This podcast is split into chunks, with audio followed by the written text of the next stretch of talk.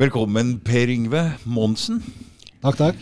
Bruker begge navna, ikke sant? Jeg bruker begge navna. Jeg har akkurat vent meg til å være fornøyd med Jeg har dobbeltnavn, jeg òg. Dag Thomas. Ja. Jeg syns det har vært så flaut hele tida. Så nå jeg måtte bli over 50 før jeg tok, godtok eller Syntes det var ålreit å bli kalt begge navn. Altså. Du, um, du um, denne podkasten her kom i stand på superraskt. Ja. Ringte jeg deg første gang det var lørdag, eller? Nei, nei Det var i går. Ja, det var i går. Ja. Ring meg søndag morgen. Ja, Ja, ja, ja, ja.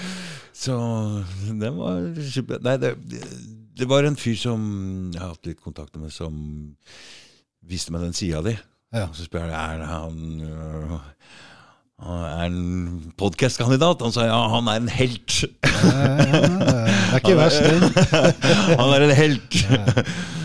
For det, du, du, um, ja, du kan jo fortelle litt om deg sjøl. Du kommer rett fra oppi høgget her. du. Og like gammel som meg, nesten. Eller du er litt etter? etter, Ja, vi sitter jo nå på Abildsø, og jeg vokste opp på Skullerud. Så det er jo bare et steinkast eller to unna, Mm, mm. med tre brødre. Og- Ja. ja. Og han ene er kjendis. Ja, han ene er kjendis, ja. Det er sant, det. Jeg begynner å bli rimelig lei det, men eh, Jeg skal ikke gidde å snakke noe mer om det. Nei, Jeg holder å snakke om uh, Larsmann, ja. ja. Nei, la oss snakke om uh, noe annet. Fordi du driver uh, Du har vært Var det en av de første største varslingssakene i Norge, det greiene der, eller? Ja, det vil jeg jo si. I hvert fall. Uh, den blei veldig stor, Ja. uh, Siemens-saken. Mm. Eh, jeg satt jo som eh, divisjonsøkonom i eh, Siemens. Jeg blei jo rekruttert fra Forsvaret. Mm. Gikk inn i, som eh, divisjonsøkonom i eh, 2000 i eh, Siemens Business Services. Og eh, så vant vi en Du, kjempekontrakt med Forsvaret. Siemens, er, er det noe Siemens lenger? Ja, ja, ja, Ja, det er datamaskiner. Det er jo det er ikke bare datamaskiner. Nei, Siemens nei. er inne overalt. I, oh, ja. i eh, jeg holdt på å si nesten eh, alle offentlige instanser. Ja. Ja. Det er store. ja. Mm. Innenfor Forsvaret, innenfor medisin, innenfor transport. eh, ja, you name it. Ah, ja. Og det er et av verdens største selskaper. Ok. Ja, ja. Og det er eh, like mange ansatte som det er folk i Oslo. Ja, oh, ja. Det er såpass, ja. Mm. Det er bare Siemens, for den jeg så på datamaskinen, så heter den vel Fujitsu Siemens, eller? Ja, det er riktig. Det er lenge siden nå, da. Men eh, det er riktig. Det var en, eh, en del Altså den, det som var omhandlet datamaskiner den ja, gangen. Ja, for det var datamaskiner var det før. Ja, ja, det er, ja, ja, det er det fortsatt, da. Men, eh, men den gangen så var det Fitzy Siemens eh, maskiner som vi leverte bl.a. til Forsvaret. Ja, ja, ja. Den gangen jeg jobbet der. Bare fortsett. Unnskyld at jeg er Ja, skal jeg fortelle Ja. litt sånn kjapt eh, hva det gikk ut på? Ja, ja, ja, klart det. Mm. Eh, For jeg satt jo som eh, økonomiansvarlig da, for den divisjonen. Mm. Eh, og så, eh, så ble det jo en del overfakturering da, i forhold til den kontrakten som vi vant. Det var jo en kjempestor uh, IT-kontrakt med Forsvaret. Eh, den gang så var jo det antakeligvis den største IT-kontrakten så langt i norgeshistorien. Og du var tilknytta Forsvaret. Var det, en sånn var det en sånn greie de prøvde å lage en eh, Nei, det vet jeg ikke. Det vet jeg ikke. Men Nei. altså, jeg hadde jo i hvert fall en eh, god del kjennskap om Forsvaret. Og Ja. om Siemens kanskje så noen sånne fordeler i forhold til det, det antar jeg. mm, mm. Uh, og iallfall så ble det jo sånn, da. Så eh, endte jeg jo opp eh, med økonomiansvaret. Mm. For, for veldig mye av den utrullingen av uh, hardwaren i, i forhold til den leveransen til Forsvaret. Mm. Og, og det gikk jo det, det var mye som skjedde da. altså fordi Dette selskapet, Siemens Business Services, eh, før denne kontrakten så hadde jo selskapet levert ganske dårlig i en årrekke. Ja. Eh, så eh, samtidig med at vi vant denne kjempekontrakten, så ble den gamle direksjonen sparka, og vi fikk igjen en ny direksjon. Mm. Og, eh, og med det så skulle liksom trenden snus, og dette Siemens Business Services skulle da gå med overskudd som følge av denne kontrakten. Mm. Det var Så det var en viktig, svær kontrakt, ikke sant? Veldig viktig. Mm. Og så kjørte man det ut, da, og så ser man jo at ja, ja. Eh, eh, her var det en del eh, kostnader som man ikke hadde helt tatt høyde for. Og etter hvert så begynte det å med en gradvis overfakturering av, uh, av bl.a. Uh, hardware-leveransene. Mm. Um, Og det gikk jo også på at man hadde kickback-ordninger, eh, jf. Future Siemens eh. Altså man solgte jo eh, Altså man kjøpte jo PC-ene til en eh, overpris, da, kan du si, Ok. fra leverandør. Mm. Og så kunne vi legge på en prosentsats oppå det, som vi da fakturerte Forsvaret. Mm. Og så uh, fikk vi de pengene tilbake, altså den, oh, ja. den overprisen, ikke sant? Mm. Det fikk vi tilbake fra leverandøren Mm. I det skjulte. Så det er liksom en sånn kickback-ordning. Ja. Det var, det var en av måtene. For, for de hadde underbytt eller bytt for lavt på, for å få den kontrakten, og så klarte de det ikke, så måtte de jukse for å få det til? Ja, eller? iallfall så, så, så utviklet det seg sånn. Altså jeg, nå begynner det å bli så lenge siden, nå husker jeg ikke detaljene, faktisk. Nei. Eh, Men eh, Når var dette her? eh? det var jo i Vi vant den jo i 2001. Mm. Eller i 2000, og så, og så var det vel i eh, 2001 at jeg begynte å se eh, at vi hadde begynt å bygge opp en ganske stor balansepost Mm. med midler som egentlig tilhørte Forsvaret. Ja. Så spurte jeg jo da eh, direksjonen da, Var du økonomiansvarlig òg? ja, for den divisjonen. Ja. Ja. Eh, og jeg begynte jo liksom å? Disse pengene lå jo i balansen. Mm. Uh, og det betød jo at vi hadde jo ikke bokført de, så det var ikke noe svindel på, på eh, altså Det blir det jo ikke før man først bokfører pengene. Altså man tar eh, pengene inn i lommeboka, liksom. Ja. Men, eh, men det lå i balansen, og så eh, rett før årsavslutning så eh, eh, Veldig kort, da. Så fikk jeg og markedssjefen skrevet et, et brev, et notat, til ledelsen. Hvor vi ba om å, eller gjorde de oppmerksom på at eh, kontrakten ikke var overholdt. Og eh, at de måtte ta det opp med Forsvaret. Uh, hvordan de skulle forholde seg til disse midlene. da. Mm. Det var til ledelsen i Norge, ikke sant? Ja, ja. Mm. Det, det var, og, Og, og det er din jobb, eller? ja, ja altså, men, men grunnen, til at det, grunnen til at vi gjorde det, det var jo fordi vi var redde for at ledelsen hadde tenkt å bokføre disse midlene. Ja. Ikke sant? ja. Også fordi uh, det gikk jo ganske dårlig med disse andre divisjonene. Mm. Eh, og uten uh, altså- Uten det jukset der, så Ja, så, så ville jo resultatet sett helt annerledes ut. ikke sant? mm. Uh, Så vi hadde jo en sterk mistanke om det, fordi vi hadde snakka om det tidligere. Og, vi hadde, og jeg hadde jo pusha på ledelsen. Men nå sa du 'vi'. ja, Det var ikke bare meg da, Nei. som, nei, Uh, som var med i den, som var bekymra, kan du si. da. nei. Og ja, og så Og så opplevde vi, da, etter at jeg hadde skrevet uh, det notatet, uh, så ble det helt tyst. Uh, det gikk noen dager over altså, året, eller regnskapsåret, Mm. og så kunne vi konstatere at midlene var blitt bokført. Mm. Og overført på andre, i andre divisjoner i selskapet. Litt annerledes enn det du Ja, ja. Av den Ja, ja, brevet ditt, ikke sant? Og, disse pengene, ikke sant? Det, det var jo da Jeg husker ikke hvor mange millioner det var da, men det, det, var, ganske mange. Det, det var et par titalls millioner, tror jeg. Som da ble overført til andre, andre um, avdelinger. Mm. Og, eh, og, eh, og det fremsto for Forsvaret som om eh, kontrakten var overholdt. Mm. Og disse, alle våre divisjoner gikk plutselig med overskudd. Ja. Så- fordelte det litt på alle Ja, divisjonene. Ja, alle- ja, Og mm. plutselig så ble jo denne direksjonen nærmest geniforklart i Tyskland. vet du. men, men du, da er det vel flere økonomiansvarlige folk som er inne i bildet her? Og, ikke, sant? Ikke sant? For det, de, alle divisjonene hadde sin egen Ja, alle, alle visste om dette. alle visste om det. Ja, ja. Mm. Og den overfaktureringen. Og det, og det spredde seg jo til andre øh, selskaper også, eller andre kunder av oss. Eh, det var ikke bare Forsvaret som ble overfakturert. Nei. Det var Posten, det var A-etat, Skattedirektoratet. Hele tida norske staten, altså. Ja, ja. Mm.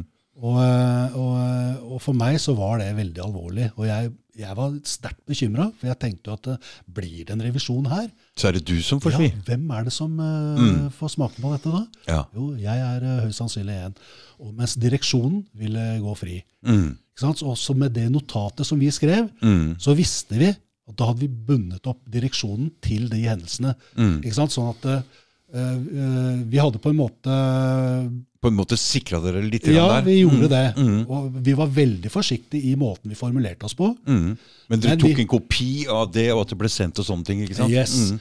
Og, eh, og, og, og det var da Også før de hadde foretatt noen transaksjoner med disse midlene. Mm. Og så uh, sa de ingenting om dem. De bare tok midlene og overførte dem. Og da, først da, var svindelen et faktum. Mm. Og så skjedde det Og etter det Jeg fikk jo også bonus, vet du, og jeg syntes det her var uh, kjempeproblematisk. Jeg uh, oppretta en egen konto jeg, hvor jeg satte de pengene inn på. Fordi jeg Ok. regna med at uh, Dette kanskje jeg en dag må tilbakebetale. Ja. Ikke sant? Og, Hvor mye penger fikk du da? Jeg husker ikke om det var 100 000 eller noe Ikke sant, Så det var jo lite, for det er jo Ja, en stund siden. ja. Ja, ja. Mm, mm, Så det var jo mye penger. mm. Og, eh, og direksjonen fikk jo langt mer enn det. Ja. Eh, Og, I bonuser, ja. ja. Mm. og jeg husker jeg hadde jo eh, flytta eh, til et eh, samme kona, da. eh, til et eh, hus, og vi hadde nettopp fått en unge. Kolikkunge på toppen av det hele. Koster penger òg, ja. Ja, ja, skrikerunge. Kolikk. Ja, ok, ja, ja, ja, ja. Mm. Så vi, jeg sov jo dårlig om natta bare pga. det. da. ja. Eh, og så hadde jeg det med jobben i tillegg. Og, og jeg opplevde det som veldig problematisk. Um, eh, og forsøkte faktisk å søke jobb andre steder, Mm. men jeg nådde ikke frem. Det, på den tida så var det arbeidsgivers marked. ja. Ja. Og, eh, og jeg måtte ha, en, ha et visst nivå på lønnsinntekten for å betjene liksom, Du satt deg i ja, den den Yes, den Mm. posisjonen jeg var i. Mm, mm. Eh, Så jeg var stuck i Siemens. Forsøkte liksom å bare skyve det unna. Men det blei bare verre. Overfakturering bare spredde seg jo da. Og, og folk begynte å tenke at det var en helt naturlig måte å drive virksomhet på. Ja. Eh, jeg syns det var eh, Du, bare spørre litt, direksjonen, hadde de hatt noe tilknytning til jobber innen staten før, eller sånn? Er det noe sammenrøre der? Nei, det hadde de ikke. Nei. Eh, Jeg vil ikke si at de hadde noe knytning eh, mot staten sånn sett. Nei. Men, men det, det var ikke sånn uh, Siemens holdt på, f.eks. Det var jo, eh, Da var det jo eh, å invitere kunder på lag og, eh, og båtturer og striptease og ikke sant? ja. Eh, Penga satt løs på den måten, da. Mm. Og eh, det med smøring av kunder. Ja. Ikke sant? Det var jo egentlig først etter Siemens-saken at det kom eh, ganske tydelige regler på hvordan offentlige tjenestemenn skal forholde seg til Mm. kunder, nei, til leverandører. ja. Fordi det var eh, smøring, eller var den Ja, ja. måten å behandle offentlige tjenester Ja, og det, det var jo ikke Siemens alene om. Nei, det var vanlig det før. Det var vanlig, ja. Ja. Eh, men ikke sant, det påvirket jo, og det gjorde jo at uh, Siemens utvilsomt fikk fordeler. Mm. selv om de kanskje leverte noe som kosta mer for staten Mm. enn andre konkurrenter. da, ikke sant? Mm. Eh, Men i alle fall eh, så går jo da dette neste året, eh, og det samme skjer. Man bygger opp en stor balanse med midler som egentlig tilhører Forsvaret. Og jeg har egentlig fått nok å bestemme meg for å varsle til Siemens Tyskland. Mm. Og det gjør jeg i, i Når var det, da? Desember 2003. Mm. Eh, og, eh, og sender da anonymt eh, et skriv med en rekke eh, altså dokumenter, da, regnskapsdokumenter som, eh, som viser hvordan vi har gått frem. Mm. Og, eh, og hører jo ingenting. Uh, det går en uh, par uker ut i januar 2004. Eh, det, da oppstår en episode med økonomidirektøren da, som kommer inn på kontoret mitt, husker jeg. Og plutselig så får jeg beskjed om at jeg har ikke hjemmekontor lenger. Til tross for at jeg hadde da et kolikkbarn hjemme. Mm. ikke sant? Det var Mm. sånn, Mm. så jeg tenkte kanskje var dette, hadde dette noe sammenheng med den Mm, varslingen, mm, liksom. Men uh, antageligvis ikke. Han likte bare ikke meg, antageligvis. da. Mm. Eh, og, eh, og så går det et par uker til, plutselig så detter en e-post eh, inn, da, hvor eh, på en Jeg husker ikke om det var en mandag sånn klokka ni, hvor alle lederne i selskapet har fått beskjed om å møte.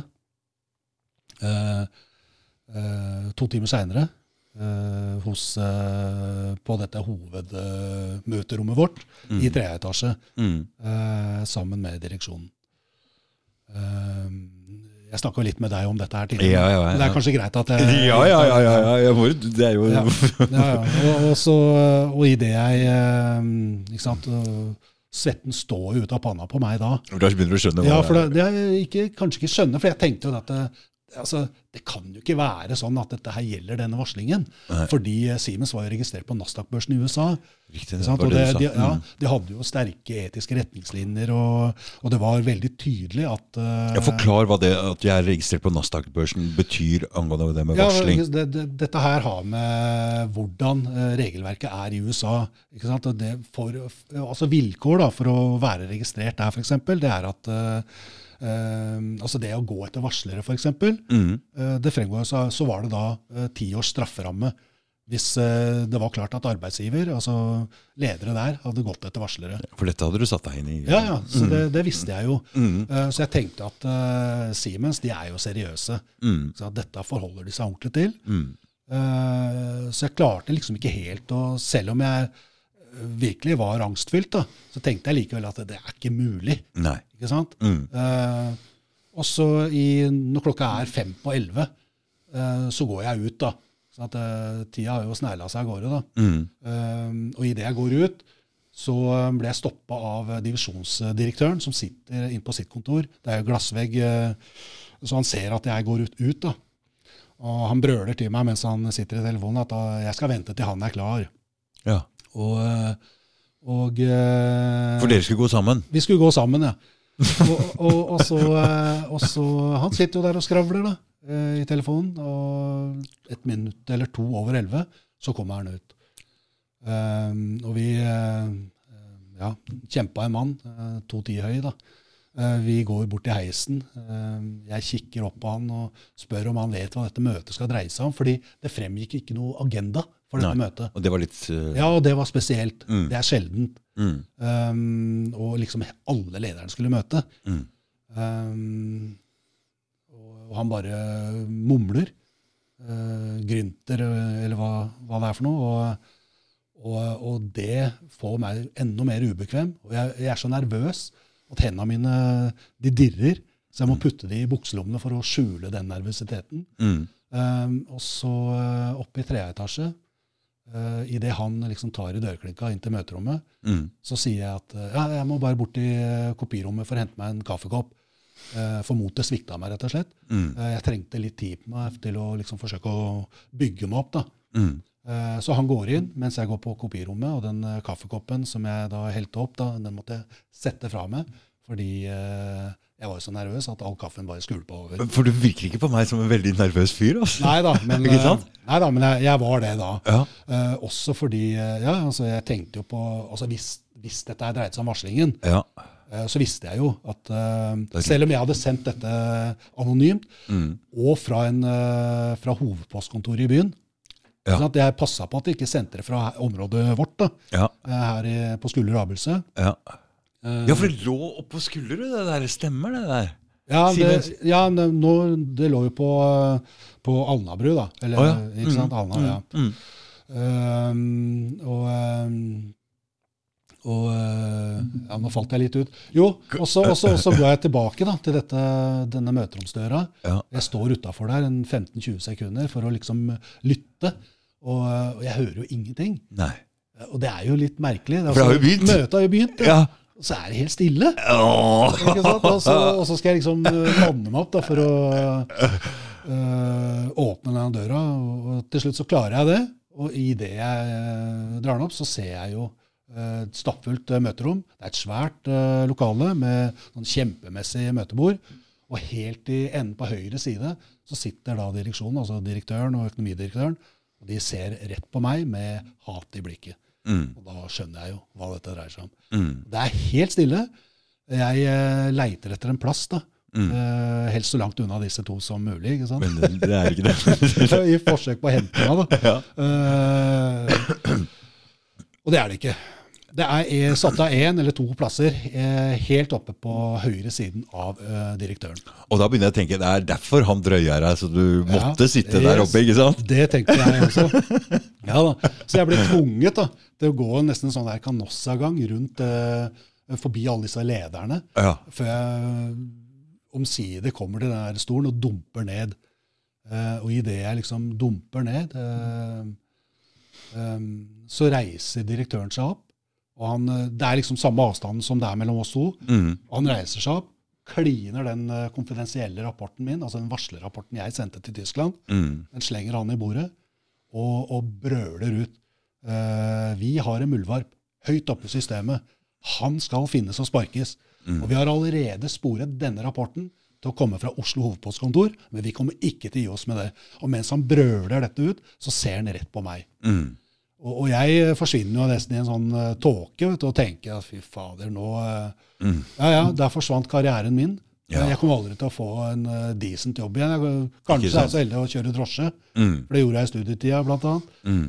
Um, og tenkte at uh, skal jeg hjem til kona og forklare dette her? Mm. Og hun visste ingenting om det. Nei, altså, hun visste visste litt om problemene? Ja, hun visste jo at jeg hadde varsla. Ja. Ja. men, men at, uh, og ingen av oss hadde tenkt oss den muligheten. Nei. At uh, ledelsen i Siemens Tyskland de hadde, de hadde jo sendt dette tilbake til ledelsen, konsernledelsen i Norge, og, for å gi dem lov til å holde et eget møte for å ta varsleren. Mm. Det er jo helt absurd. Mm. Um, og, og disse anklagene kom jo da under møtet, men jeg husker at jeg bare nekta. Jeg trengte jo tid på meg til å tenke ut hva i all verden, hvordan skal jeg gå frem nå. Mm.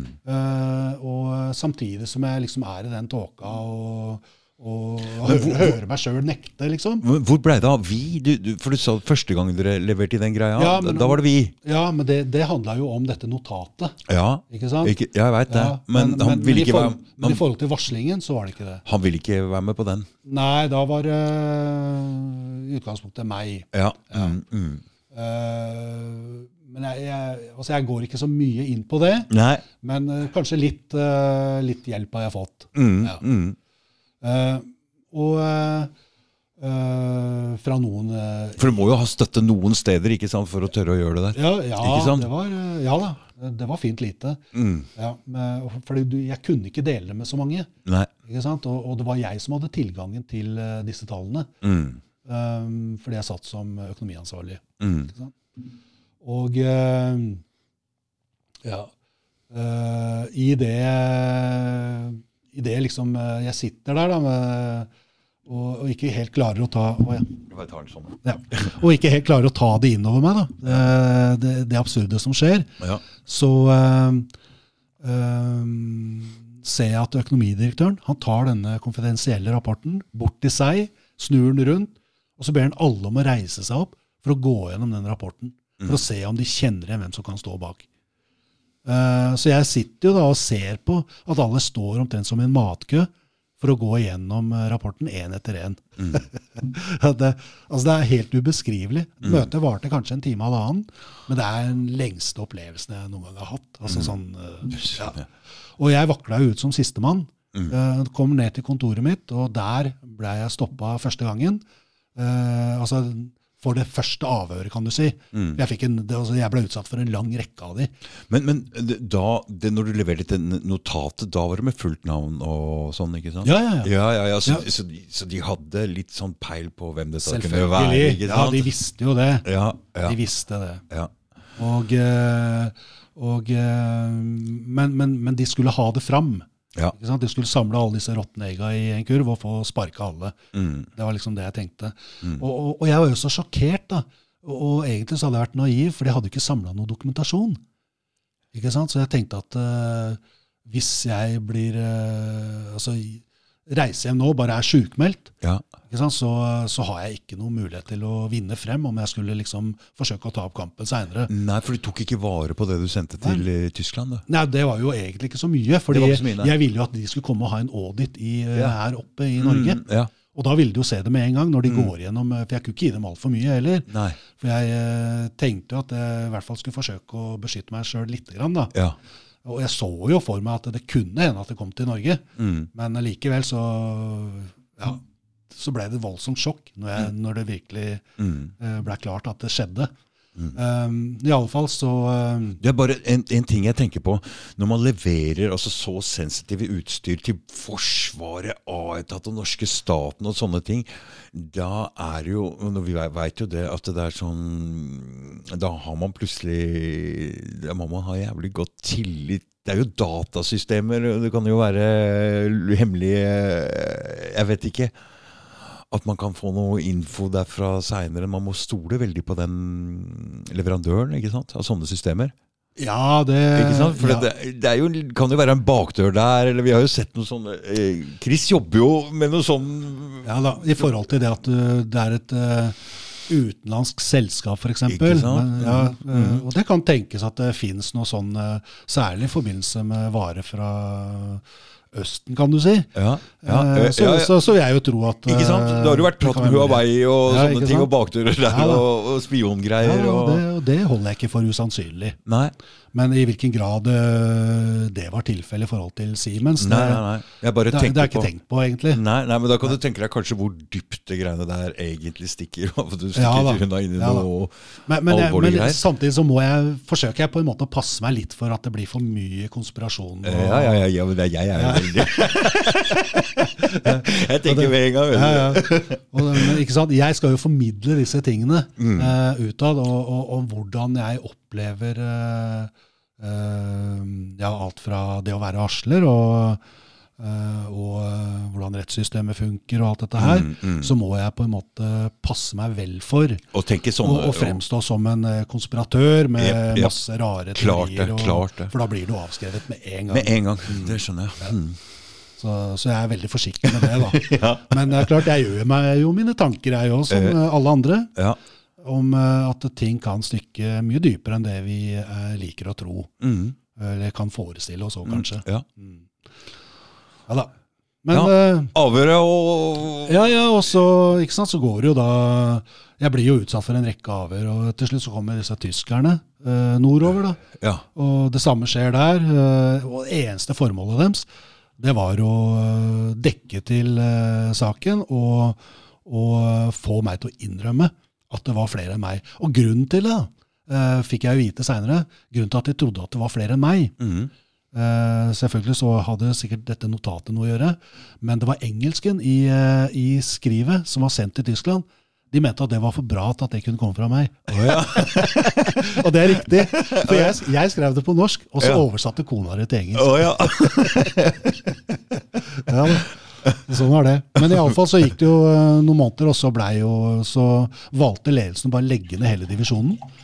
Eh, og på, og på oh, ja. den måten så, eh, så fremstilte de det som at i og med at divisjonen er borte, så trenger man heller ikke en divisjonsøkonom. Så, så da, da fikk jeg sparken. ja. Men um, i løpet av den tida der, for du jobba der en stund etterpå for å få ut noen papirer eller for å få noe dokumentasjon? Ja, det glemte jeg å si.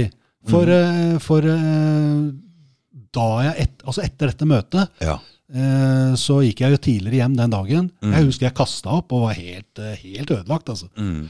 Uh, og hadde jo egentlig tenkt å sjukmelde meg og aldri mer komme tilbake. Jeg syns det var det verste jeg noen gang har opplevd. Ikke sant, Gå tilbake der du ja, Ja. Det er ikke kult, ass. Nei. Og så måtte jeg bare erkjenne at altså hvis jeg skal ta opp uh, Hvis jeg skal ha noe mulighet til å stå imot eh, dette seinere, Så så er jeg nødt til å komme tilbake og Mm. begynne å samle inn. Mm. Så da måtte jeg dra dagen etter. Jeg sov ikke den natta. Men, Du var eh, spion, på en måte? Det er Noen ja. som skulle ha ut papirer? Ja, ja, ja. Og, og det var det som skjedde. ikke sant? Det, Ja. At jeg måtte gradvis, jeg, jeg henta en dokumentasjon gradvis. Mm. Jeg var totalt utfryst i det. Mm. Eh, Det var ingen som snakka med meg. Nei. Jeg husker at jeg gikk til, til den der kaffeautomaten. Da sto det jo folk der. Men og i det, i det jeg, kom tilba- hvor- hvor i det jeg kom bort dit, så var de borte. Men hvor mange folk er det som jobber innpå her nå? Hvor mye er det prat om? 100 stykker, eller?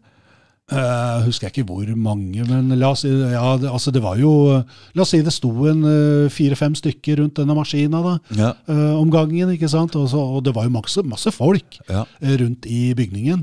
Så alle var enige om at det var greit å snylte norske staten og drive med sånn underslag og, og Nei, men alle kjente jo ikke til det. Nei! Ikke sant? Altså, De visste ikke saken. Nei, altså ikke, til, ikke til varslingen. Nei. Ikke sant? Men Nei, de visste ikke grunnen. De visste Nei, bare ja, altså, de det som ledelsen sa. Ja, de visste det ledelsen sa. Ja. Og, eh, og eh, det er klart, eh, de lederne som var i møtet, de visste jo selvfølgelig om det. ja. Og, og med en gang de visste om det, så spredde det seg jo til andre ansatte også. Så etter hvert så må jo ganske mange ha visst om det Mm. eh, på et eller annet nivå. Mm. Og, og veldig mange visste jo at eh, det var jeg som var eh, den som hadde forårsaka altså disse ugreie tingene som skjedde i selskapet. Mm. Altså med miljøet, med arbeidsmiljøet. Det var, Ja. noe, det var noe kunstig og Ja. ja. Og jeg var jo en paria. Eh, og samtidig med dette her da, så snek jeg meg jo inn eh, på ulike steder. Eh, tok kopi av eh, dokumentasjon som eh, Hadde jeg blitt tatt med det, ja. så kunne de jo ha sparka meg på det, den bakgrunnen. ikke sant? Ikke sant? Nå var du skikkelig sånn Og tok litt innafor dressjakka. eh, ned- og- og ned- Spion var du nå! Ja, følte meg, følte meg sånn. Jeg hadde jo parkert bilen på utsida av Sims-området. Ja. Fordi Sims-området var jo dekka med kameraer. Ja. Eh, og så, hadde jeg, så benytta jeg jo disse undergangene, fordi alle disse Siemens-bygningene var jo kobla sammen via sånn, under, eh, eller sånn tunnelsystem Ok. eh, under første etasje. Mm. Eh, og der var det ikke kameraer. Nei. Så jeg eh, gikk trappa ned dit, og så sneik jeg meg gjennom disse tunnelene og gikk ut, ut en bakdør Ja. og opp til uh, Linderud-senteret, hvor jeg hadde parkert bilen. Mm. uh, og, og la dokumentasjonen uh, innunder setet der. Og det måtte jeg gjøre eh, mange, mange ganger. eh, til jeg hadde fått bygd opp uh, solid dokumentasjon. Ja. Uh, og jeg rakk det jo før jeg på en måte blei utestengt. Det er rart de ikke prøvde å få deg bort, at de ikke skjønte Men de tenkte kanskje du hadde allerede satt på de Ja, men de prøvde jo det. Ja, De prøvde å få deg vekk. Ja, ja, og jeg hadde jo da involvert advokat, og, sant? Så den, Ja. men samtidig så, så kunne de ikke stenge meg ute. Nei. Men de gjorde det da jeg ble sjukmeldt. Da jeg liksom hadde fått så mye Mm. eh, at jeg mente at uh, oh. hadde jeg ganske bra med dokumentasjon, Mm. så orka jeg ikke mer. Da- og, og det var utrolig tøft. altså. Mm. Mm. Eh, Det å bare gå dit, parkere Nei, nei, nei, altså. Jeg følte at alle satt og eller, så ut av vinduene ikke sant? og så, så på meg. Da. Mm. Og ikke sant? Her kommer Quislingen. Mm. For jeg følte meg jo som en forræder, og det er ganske rart. da. Mm. Fordi du er den eneste som liksom agerer på noe som, som egentlig er fundamentalt galt. Mm. Eh, så føler du at du, det er du som er den unormale. Fikk du ikke støtte hos noen eh, i, i firmaet der i det hele tatt? Så, så, Nei, ikke da. Men altså, jeg fikk jo støtte fra to, Mm. kanskje tre, Ja. i et selskap med flere hundre ansatte. Ja. Så ja, det var eh, ja, det, altså det er vanskelig å beskrive, da. Men så ble det jo en, eh, eh, så ble det jo en eh, prosess hvor, eh, hvor jeg eh, valgte å eh, ta det til eh, media. For jeg kjørte to ganger til Siemens Tyskland, også til toppen, altså von Pierer i Siemens eh, eh, Tyskland. For å prate For, For å få prata med dem? Ja, og da sto jeg frem med fullt navn. Ja. Uh, for å eh, vise hvordan uh, Da hadde du med deg papirer og viste fram, ikke sant? Ja, ja. Altså, og, og jeg ble til og med kalt inn til, uh, til eh, møte med compliance office der, da. Hva betyr det? Hva betyr det? Eh, Klagekontoret. Ja, ja, sånn. Sant? Mm. Eh, og så har man jo, eh, ikke sant, eh, etter denne saken eh, altså Det er utrolig mye som skjer da. Mm. Og, og jeg, jeg var jo veldig heldig, fordi samtidig som eh, denne korrupsjonen drev, eh, pågikk i Norge, Mm. så drev, bedrev jo Siemens det samme uh, globalt. Okay. Så, så det blei veldig stort. Det var ikke Mm. bare saken i Norge. Nei. Jeg ble til og med oppringt jeg, av SEC i USA, Ja. altså amerikanske børsmyndighetene, Mm. uh, fordi de ville vite hvordan ting hadde forløpt i Norge. Å, ja. Ikke sant? Fordi det skulle være en del av uh, alt det som nå uh, pågikk granskning rundt Siemens. da. Oi, oi, oi, Yes. Så det blei jo en kjempestor sak. Ja. Og det enden på den visa var jo at de fikk jo en million uh, uh, Nei, unnskyld, en milliard dollar eh, i, eh, i eh, bøter fra USA. Så fikk de 420 millioner euro i bøter fra EU. Oi, oi, oi. Mm. Men det var jo for så vidt en fartsdump for eh, Siemens. da, for det, oh, ja. De er så svære? de er så svære, svære at det sluker dem jo greit. da. Oh, ja. Og så måtte noen gå, og så måtte dette Compliance Office, eh, direktøren der måtte gå. Ja. For det Compliance Office, da, klagekontoret, Ja. det ble jo ikke brukt til å beskytte varslerne. Nei. Det ble brukt til, eh, som en sånn tidlig signal til ledelsen når Mm. varslere kom til Compliance Office. Ja. Ikke sant? Så her har vi en eh, idiot som, eh, Ja. som må, må ta sånn om. Fy Ja, faen. ja. Så, ja. Sånn var det. Og, eh, men, men altså, det, det skjer utrolig mye i den saken. da. Mm. Uh, du kan eh, for så vidt lese om det. Jeg skrev en bok om det. 'Muldvarp i Siemens'. Ja. Ja. Mm. Så. Den har du ikke med deg her i dag, nei. Den har jeg ikke med meg, vet du. Nei, jeg, men- jeg, tenker jo ikke sånn, vet du. nei. Jeg burde, burde markedsføre meg litt bedre. Vi, vi, vi legger ut linker og bøkelinker og sånn når vi legger ut podkasten. Ja, ja.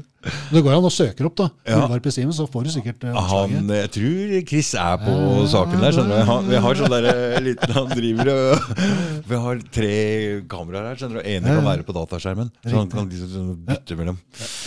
Men iallfall så blei det en veldig stor sak. Uh, og det endte jo med uh, Egentlig så, så vant jo jeg i tingretten til slutt, da. Mm. Uh, som følge av at jeg fikk oppslag i Finansavisen. Mm. Først i VG, men de ga seg veldig fort. Og så fulgte Finansavisen opp med skikkelig bra artikler Mm. som presset Forsvaret til å ta noen grep. Mm. Eh, man fikk på regjeringsadvokaten osv., men så viser det seg at regjeringsadvokaten hadde jo også mottatt uh, uh, ting og tang da, fra, oh, ja. fra, yes, fra Siemens-leveransene. Ja. ja. Og det blei også en stor sak som ble slått opp i VG. ja. Uh, så, Så du fikk skikkelig rysta grunnvollen i Ja. hele Norge her? ja, omtrent, ja, altså. og, og regjeringsadvokaten de mislikte meg sterkt Mm. som følge av det. Eh, og, jeg, og jeg opplevde jo også at de eh, gjorde jo alt for å, for å dysse ned den saken. Mm. Eh, de utga seg på en måte for å liksom være vennen min, men det de var tvert imot. da. Mm. Og, og det var jo sånn at alle ønsket egentlig å legge det hele dødt, og heller ofre varsleren. Mm. At jeg ikke skulle vinne frem. Skulle bare fortsette. Ja. Så, men så vant jeg frem, da, Mm. i tingretten.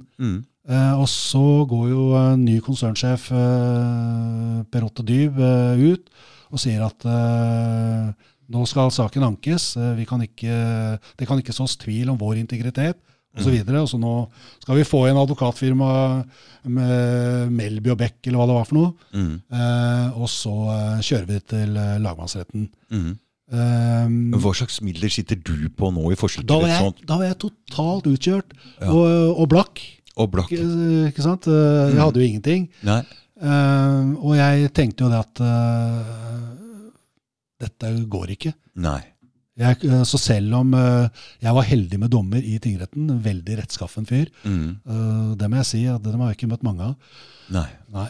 Og, og, og da jeg skjønte at dette kom til å gå videre, så tenkte jeg at det, jeg kom til å tape. Eller jeg kommer ikke til å fullføre løpet. Nei. Så jeg var, helt, jeg var helt satt ut. Men heldigvis, på det tidspunktet, så ble det re- regjeringsskifte. Ja. Vi fikk inn en, eh, en Arbeiderpartiregjering da, med eh, altså tidligere for, altså forsvarsminister Krohn Devold ble byttet ut med, med Anne Grete Strøm-Eriksen. Ja. Og, eh, og jeg, eh, det sier jeg nå, kan Mm. takke Anne Grete Strøm-Eriksen for at uh, jeg på en måte sitter her i dag. Hvordan, hvordan, hvor kan du forklare For for uten rann. henne Ja. så hadde det ikke blitt etablert en uh, troverdig granskning. For det ble granskning på der. Yes, Dalseid-utvalget. Ja. De granska det, Ja. og de konkluderte jo med at Siemens hadde jo svindla Forsvaret. Den lagmannsrettssaken, da. Ja, og i og med at de konkluderte med det, Den granskingskommisjonen. ja, Så så hadde jo ikke Siemens noe sak mot meg lenger. Nei. Da var det helt åpenbart at jeg var en varsler, da. Ja. Og da gikk jo eh, konsernsjefen ut da, og sa at de trekker ranken. Oh. Og, og liksom Monsen gjorde alt rett. Oh, ja. Mm. Oh. Og så betalte de tilbake et beløp. Ja. Ja, og så ble det en, eh, og så ble det en uh, prosess hvor Økokrim tok ut en tiltale Mm. for grovt bedrageri Mm. mot Siemens. Mm. eh, og så gikk det politikk i det hele. Fordi det kom jo da nye lover i 2007 Mm. som sa det at eh, en, eh, en eh, leverandør som blir tatt for eh, korrupsjon og bedrageri, da, Mm. vil ikke kunne levere eh, tilbud og svare på anbud i offentlig sektor. Og, og for Siemens Mm. så var det svært alvorlig. Mm. Det medførte bl.a. at de posisjonerte seg for å selge ut halv, halvparten av selskapet. Mm. Eh, og de gjorde seg på en måte klar da, for at det kunne skje. Mm. Eh, men så eh, gikk det så mye politikk i dette her, også hos domstolene, tingretten Mm. eh, i 2011 så kom den saken opp. Og, og tingretten mente jo da at beløpene var så små i forhold til denne milliardkontrakten at dette bare var tilfeldig. Oh, ja. Og de så helt bort ifra notat og alle disse bevisene. Kommisjonen og Ja, ja. Altså det, det, altså det Siemens skulle ikke tape, og grunnen til det var jo at eh, dersom Siemens hadde blitt stengt ute, så hadde jo det kosta offentlig sektor enorme summer. Ja, for du måtte bytte ut alt utstyret? Yes, de måtte bytte ut leverandør, Ja. ikke sant? Og, Og, og da da ville må du bytte ut alt det gamle? Jepp. Ja. Og, og, og, og i tillegg til at uh, Siemens leverte jo sensitive ting, sant? til Forsvaret. Ikke sant? Nå, nå begynner vi Ja, å snakke der igjen, ikke sant? Mm. Så de kunne ikke stenge Nei. de ute. Nei, kunne ikke. Og, det, så, og da er det jo sånn at noen er rett og slett for store, eller for viktige, Ja. til at de kan tas. Ha. Og Økokrim de trakk seg etter denne tingrettsdommen. Så for, og, og jeg var på en måte stjernevitne, og det er helt dustete. Det skulle jo vært Dalseide. Altså Soren skriver Dalseide med hans, eh, hans eh, korps da, av eh, etterforskere som skulle stått i bresjen for det som ble avdekket. Hvem, hvem er han sorenskriver Dalseide? Det var han som ble satt som leder for denne kommisjonen som Ja, skulle avdekke ja, ja, bedrageriet. de Og ikke, og ikke meg. Nei. Men de gjorde dette her for å diskreditere meg, Ja. og for å, eh, for å på en Så de- måte så- hvitvaske sin. Ok, så du vinner saken i tingretten. Kommisjonen eh, sier at eh, du har rett, eh, du må, og Ja. Siemens går ut. eh, Men etterpå så gir de seg ikke for det. Altså. Nei, de Hæ? gjør ikke det. Fordi eh, og, og det er her jeg tenker at eh, Og det, det skjer veldig mye rart her også. Justisdepartementet var dypt involvert. Mm. For eh, Siemens uh, sto jo på trappene til å få dette nødnettskontrakten. Som var mange ganger større enn uh, denne forsvarskontrakten. Ja. Kjempekontrakt, det om det var 10-11 milliarder kroner. Ja. Uh, og, og eh, jeg skrev jo til Justisdepartementet at de kunne jo ikke gå inn for Siemens før det var avklart hvorvidt de kom til å bli dømt eller ikke. Mm. Så da hørte jeg ingenting, og jeg ante at alt blei jo utsatt. da. Mm. Ikke sant? Og, og så, skjedde det helt, så skjedde det jo ikke helt sikkert. Det, det skjedde ting som gjorde at man uh, posisjonerte seg på en måte som uh, sørget for at Siemens, uansett om de skulle bli dømt, da, eh, likevel kunne føre dette videre gjennom det at man etablerte bare noen dager før uh, det nye regelverket trådte inn, altså korrupsjonsregelverket, Mm. så uh, stiftet de uh, selskapet Nokia Siemens. Ja. Og, eh, og så var det da Nokia Siemens som fikk denne nødnettskontrakten. For en svær greie du stakk Ja. eh, Ja. fingeren borti der, Ja. ass. Hæ? Og når jeg ser på det nå i ettertid, sånn i varslingsperspektiv og, og, og, den sannsynligheten varslere har for å vinne frem, Ja. så, så, så er det bare helt ubeskrivelig hvor flaks jeg hadde. ja. For uten dette Dalseid-utvalget, Mm. så hadde jo jeg eh, blitt eh, fullstendig rumpekjørt. Mm. For det derfor du sa når det kom inn en ny forsvarsminister. Ja. Og, mm. Ja. Mm. Og, eh, og, og, og sånn er det. Og det, mm, og det ser man jo når man snakker om dette med varsling. Det, altså, det har forundra meg veldig. Eh, Jeg har jo gått gjennom varslingssaker Mm. som er rettsbehandlet, Mm. fra min egen sak med Siemens Mm. eh, og fram til i dag. Og eh, det er vel, eh, hva har jeg regna ut da, eh, under 15% av varslere som vinner frem. Mm. Og de som vinner frem, de vinner egentlig ikke frem, de heller. De får uh, kanskje en 100 000 kroner Mm. uh, i erstatning, Og aldri jobb igjen. ikke sant? De mister jobben sin uh, og, og ender opp med ufør. Det er uh, storyen for veldig mange. Sånn som uh, for eksempel eh, eh, Jeg sier det, Pål Stenstad eh, i Norvel-saken, som omhandlet sånn strålingsvarsling.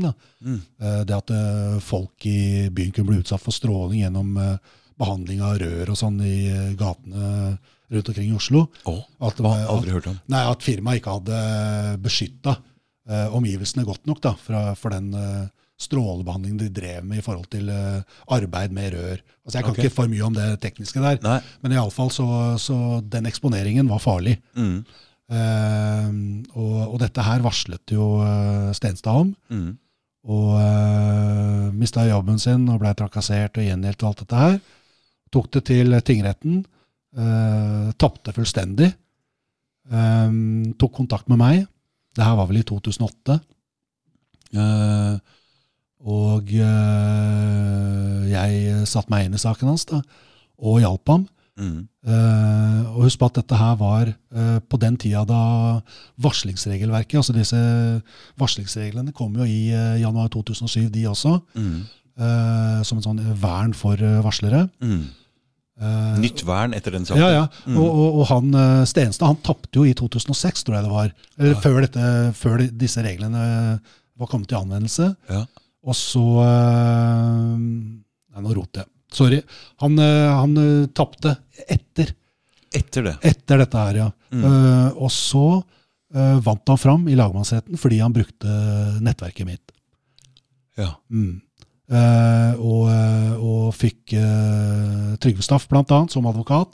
Uh, samme person som jeg da brukte. Mm. Eh, og, og fikk da motsatt resultat i lagmannsretten. Det det er ikke ofte det skjer, men han gjorde det. Mm. eh, og han fikk jo en erstatning på 100 000 kroner. Mm. Og reelt sett så hadde han tapt eh, altså Når han gjorde opp eh, regnskap, da, Ja. så, så hadde han tapt et par hundre tusen. Mm. Uh, til tross for at han da vant saken. Mm. Så, så endte han opp med det, og han fikk jo uh, altså jobben det ble, Han blei fortsatt eh, utsatt for gjengjeldelser etterpå, og måtte bare slutte jobben. Mm. Eh, og i dag så er han ufør. Og det er bare et eksempel. Sånn kan vi ikke ha det, Per Yngve. Nei, vi burde ikke ha det sånn, men sånn har vi det. Mm. Uh, og, men, og dette her gjelder jo ikke bare varslere. Det er jo uh, veldig mange som, uh, som opplever dette her. ikke sant? Vi er alle flasket opp med at Norge er demokratiets eh, høyborg eh, her i verden. Mm. Sånn? Vi er jo de fremste Ja, ja. på demokrati og ytringsfrihet. Og, Mm. og langt på vei så er det jo riktig. Mm. Men i forhold til, eh, til eh, domstolene og rettsbehandling og, eh, og når det gjelder makten som råder i Norge, Mm. så hvis du bryner deg på den, så, så merker du at uh, det, er ikke, det er ikke rettferdigheten som råder. Nei. Nei. Det er uh, en uh, opplevelse av en stor urett, vil jeg si. At, Så disse her kjenner hverandre og har en slags sånn inside Hva, hva er det som foregår, egentlig? Det er vanskelig å si da, hva Mm. det er som gjør det. Men jeg, men jeg tenker jo at det ikke nødvendigvis sånn at man kjenner hverandre, Nei. Men man eh, holder karrieredørene åpne ved å holde seg inne med makten Mm. andre steder. Mm. Man vil ikke tråkke andre mektige personer på tærne. Eh, nettopp fordi det kan stenge dører for en selv. Mm. Det er det jeg tror eh, eh, kanskje er den største, altså den største utfordringen da, Mm. i forhold til settingen her i Norge. Og ikke minst det at vi er jo et lite land, Mm. hvor og små, små kommuner, så sitter jo uh, uh, mektige uh, mennesker med ulike hatter til og med. Ja. Ikke sant? De, har, de bestemmer både på den ene siden og på den andre siden. Mm. Og, og har der, der, har- der er vel relasjoner ganske sterke også, i forhold til andre mektige mennesker. da. Mm. Det har man jo mange bevis for. I stad så oppe så begynte du å prate om noe med advokater og dommere og den stilen der.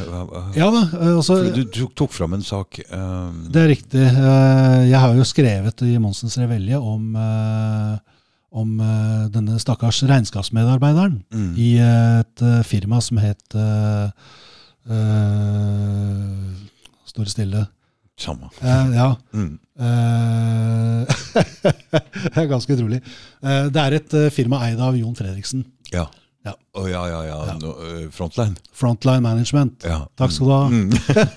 jeg trodde ikke jeg skulle klare det.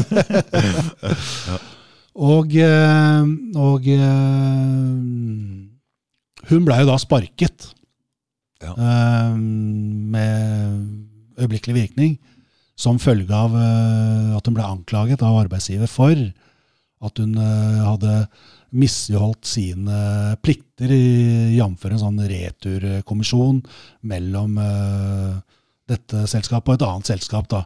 Det var snakk om 100 millioner kroner. Mm. Uh, noe som hun ikke kjente seg igjen i. Og, uh, eh, og avviste at det var hennes ansvar og skyld. Eh, og, eh, men eh, det holdt ikke. I tillegg så ble hun også anklaget for eh, altså, Du kan si På bakgrunn av det da, så hadde da arbeidsgiver også eh, undersøkt e-posten hennes. Mm.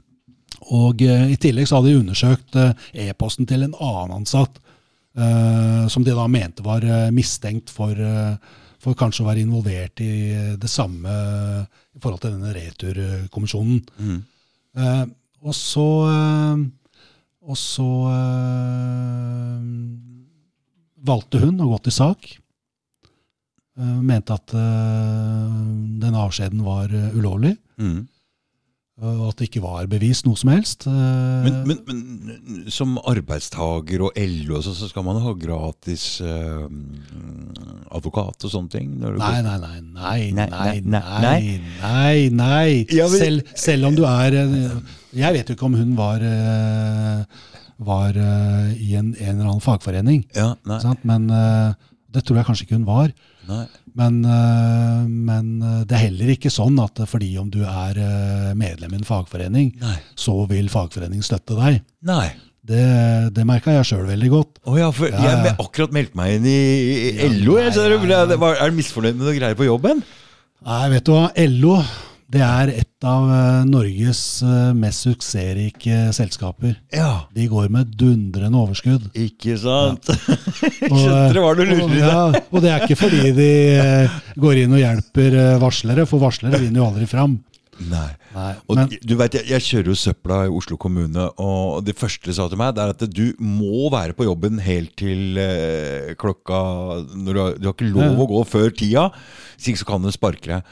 Og som vi søppelkjørere, vi, vi går jo tidligere, alle mann. ja, ja. Så det er alt egentlig Da sparker dere alle sammen. Da. Ja, men da har de det over oss egentlig, da, at vi, hvis de vil. Ja. Ja da, men, ja da, men samtidig så kan det kanskje bli litt vel tydelig at de velger ut én hvis alle alle går tidlig. Men eh, ja, ja. Ja. Nei, men de gjør det. Mm. Legger opp sånne løp. Jeg, har, jeg tror jeg har skrevet noe om det òg, faktisk. Ja, Nei da, men, men det at du er eh, organisert, Mm. det betyr ikke at du får bistand når du trenger det. Nei. Nei. Det er helt avhengig av hvordan juridisk avdeling i LO vurderer saken din. Mm. Og som regel får du tommelen ned. Ja. De er ikke villige til å fronte det. Og de, og de er jo ikke veldig sterke på dette med varsling heller. Jeg husker i forbindelse med Norvel-saken. da, Det at han eh, Stenstad fikk 100 000 kroner i erstatning, Mm. og likevel endte opp med et tap, Mm. økonomisk tap. Det henger jo ikke sammen. Når du har vunnet i rettsapparatet, så, så skal du faktisk vinne frem. Ikke bare med noe ord og, og en beskjed om at, eller en dom da, som sier at du vant frem. Mm. Og ender opp som ufør. Ja, men, Og skvisa. ja, men altså, han, ikke sant? Spørsmålet var jo da å få anka dette her til Høyesterett. For jeg ville jo ha anka erstatningsutmålingen, for jeg syns den er altfor lav for varslere. Mm. Og LO ville ikke være med på det. Nei. Nei. Og det ble det jo eh, det ble tatt opp eh, Vi var jo på radioen og debattprogram om det. Ja. Med en LO-representant? Ja, med LO-representant. Det var som å sitte og høre på en arbeidsgiverrepresentant. Altså, jeg var helt dypt sjokkert, Ja. eh, og tenkte at eh, ja, de er ikke interessert i det. Hva kommer det av? Ja, det kan man jo bare spekulere i, men, men jeg tenker jo at også disse fagforeningene Mm. har på en måte mista sin opprinnelige identitet. Da. Ja. De er ikke lenger til for deg og meg, Nei. men for seg sjøl. Det Det, er- det er en egen virksomhet med Som tjener penger? Yes. Det er det det handler om. Ja. Og at man uh, bruker uh, ikke sant? Man gjør sin karriere der. Mm. Eh, Man bruker det som uh, karrieretrinn til Mm. andre steder. Ja. Og det er det som egentlig teller. Og, og hva slags suksess du kan vise til. Og advokater som drar Som sier ja til å bruke penger da, på å eh, hjelpe varslere, Mm. som da taper i retten. Mm. Det er tap for, på flere måter. Både mister de penger, og eh, dessuten så mister de anseelse fordi de ikke vinner frem i domstolene. Mm. Det er en dårlig sak å ta for dem? Det er en dårlig sak å ta for dem, ja. Så, så, men hadde de vært idealistiske, mm. så hadde de gjort det. Mm. Og de hadde gått ut med det. og eh? Du kan bare, du, altså Den jobben jeg har gjort, for eksempel, da, Mm. det å undersøke, gå inn og se på alle disse varslerdommene Mm. uh, de siste 20 årene, Mm. det er jo bare jeg som har gjort. Ja. Og hvorfor det? Hvorfor er ikke det mer interessant for uh, fagbevegelsen? Mm. Det er ganske sjokkerende, Mm. men sånn er det. Og, og de bryr seg ikke. De, alle, alle snakker høyt om det, hvor fint og flott og alt dette er, men egentlig så bryr de seg ikke. Så det må være en som har blitt begått urett mot, som har sett de greiene, som tar tak i dette privat. Det er sånn hele tida med alle ting, sier jeg nå. Det er det. Og, og, og jeg jobber jo med det nå. ikke sant? Eh, På Monsens Revelle så driver jeg og omtaler uh, ganske mange av disse dommene, Mm. og, og viser frem hvor uh, belemret de er med juks og bedrag fra dommerne. Mm. Eh, Ja, for tilbake til den saken om frontline her. Ja, ja. da, for da, da, da, Da glemte jeg det. Ja, ja for, for konklusjonen her er at uh, den dommerstanden er så altså Vi var jo enige om at advokater er det luringer. Ja, ja. Jeg har jo hatt advokat. Jeg husker jeg kom med tre forskjellige forklaringer. Jeg sa hvem skal jeg ta, liksom? Og han bare titta på deg, ta den beste der. Altså, det, er, det er ikke så viktig med sannheten her. Nei. Og, og, og sånn er det både for forsvarsadvokater og, og regjeringsadvokater. De, de kjører greier. Det ser vi jo på uskyldige som blir dømt. og det Yes. De leiter jo ikke etter eh, bevis alle veier, og de skal vinne saken. Det er det som er greia. Yes. Og det er disse folka Som blir dommere. som blir rekruttert inn til domstolene. Mm. Og da kom du med et ganske godt forslag oppe i stad. Ja, Vi må utdanne egne dommere som ikke kommer fra advokatstanden. yes. Mm. Det må være et eget utdanningsløp for det å bli dommer. Ja. Mm. Da har du på en Da måte kan det være frittstående fra Fordi du vet, alle disse advokatene kommer fra samme firmaer, og de kjenner hverandre sånn og sånn, og de veit hva som foregår av uh, tull. Jeg er helt enig med deg. Ja, og det, altså det jeg tenker da, For det første så får man bygd opp en uh, helt annen etisk plattform på de som utdanner seg i den retning. eh, dersom de klarer å holde det borte fra advokatstanden. Ja, for de er ikke etiske. Nei, de kan ikke være det hvis Det- de skal vinne frem. ikke sant? Nei, de kan ikke det være er det. råtne triks og skitne knep det- ja, det er det. hele veien. Ja, det er det der. Og det er det de drar med seg videre, som dommere også, Mm. tenker jeg. da. Ja. Og, jeg, og det tror jeg, fordi jeg, når jeg ser på retorikken i domsavsigelsene, Mm. så er det en typisk eh, advokatretorikk, Mm. hvor de eh, holder unna eh, helt sentrale sannheter, som egentlig taler for et helt annet utfall enn det dommerne har kommet til. Og her går det ikke an å gå gjennom hva som har blitt sagt i retten etterpå, for som du sa oppe i stad, det mangler lydbåndopptak, det mangler opptak fra retten. Ja da. Og det er umulig å gå gjennom alt sammen etterpå. Yes. Og Og så er det heller... er et problem. Det har de fått beskjed om for lenge siden, at dette skal på plass. Ja. Men hvem er det som setter seg på bakbeina her og ikke får de der eh, Jeg mener, det er jo mikrofoner der! Ja, det er er det vanskelig å bare koble til en båndopptaker her? Hva, hva er greia? Det er domstoladministrasjonen da, som skal gjøre dette her, Mm. men det gjør de ikke. Det er litt suspekt, er det ikke?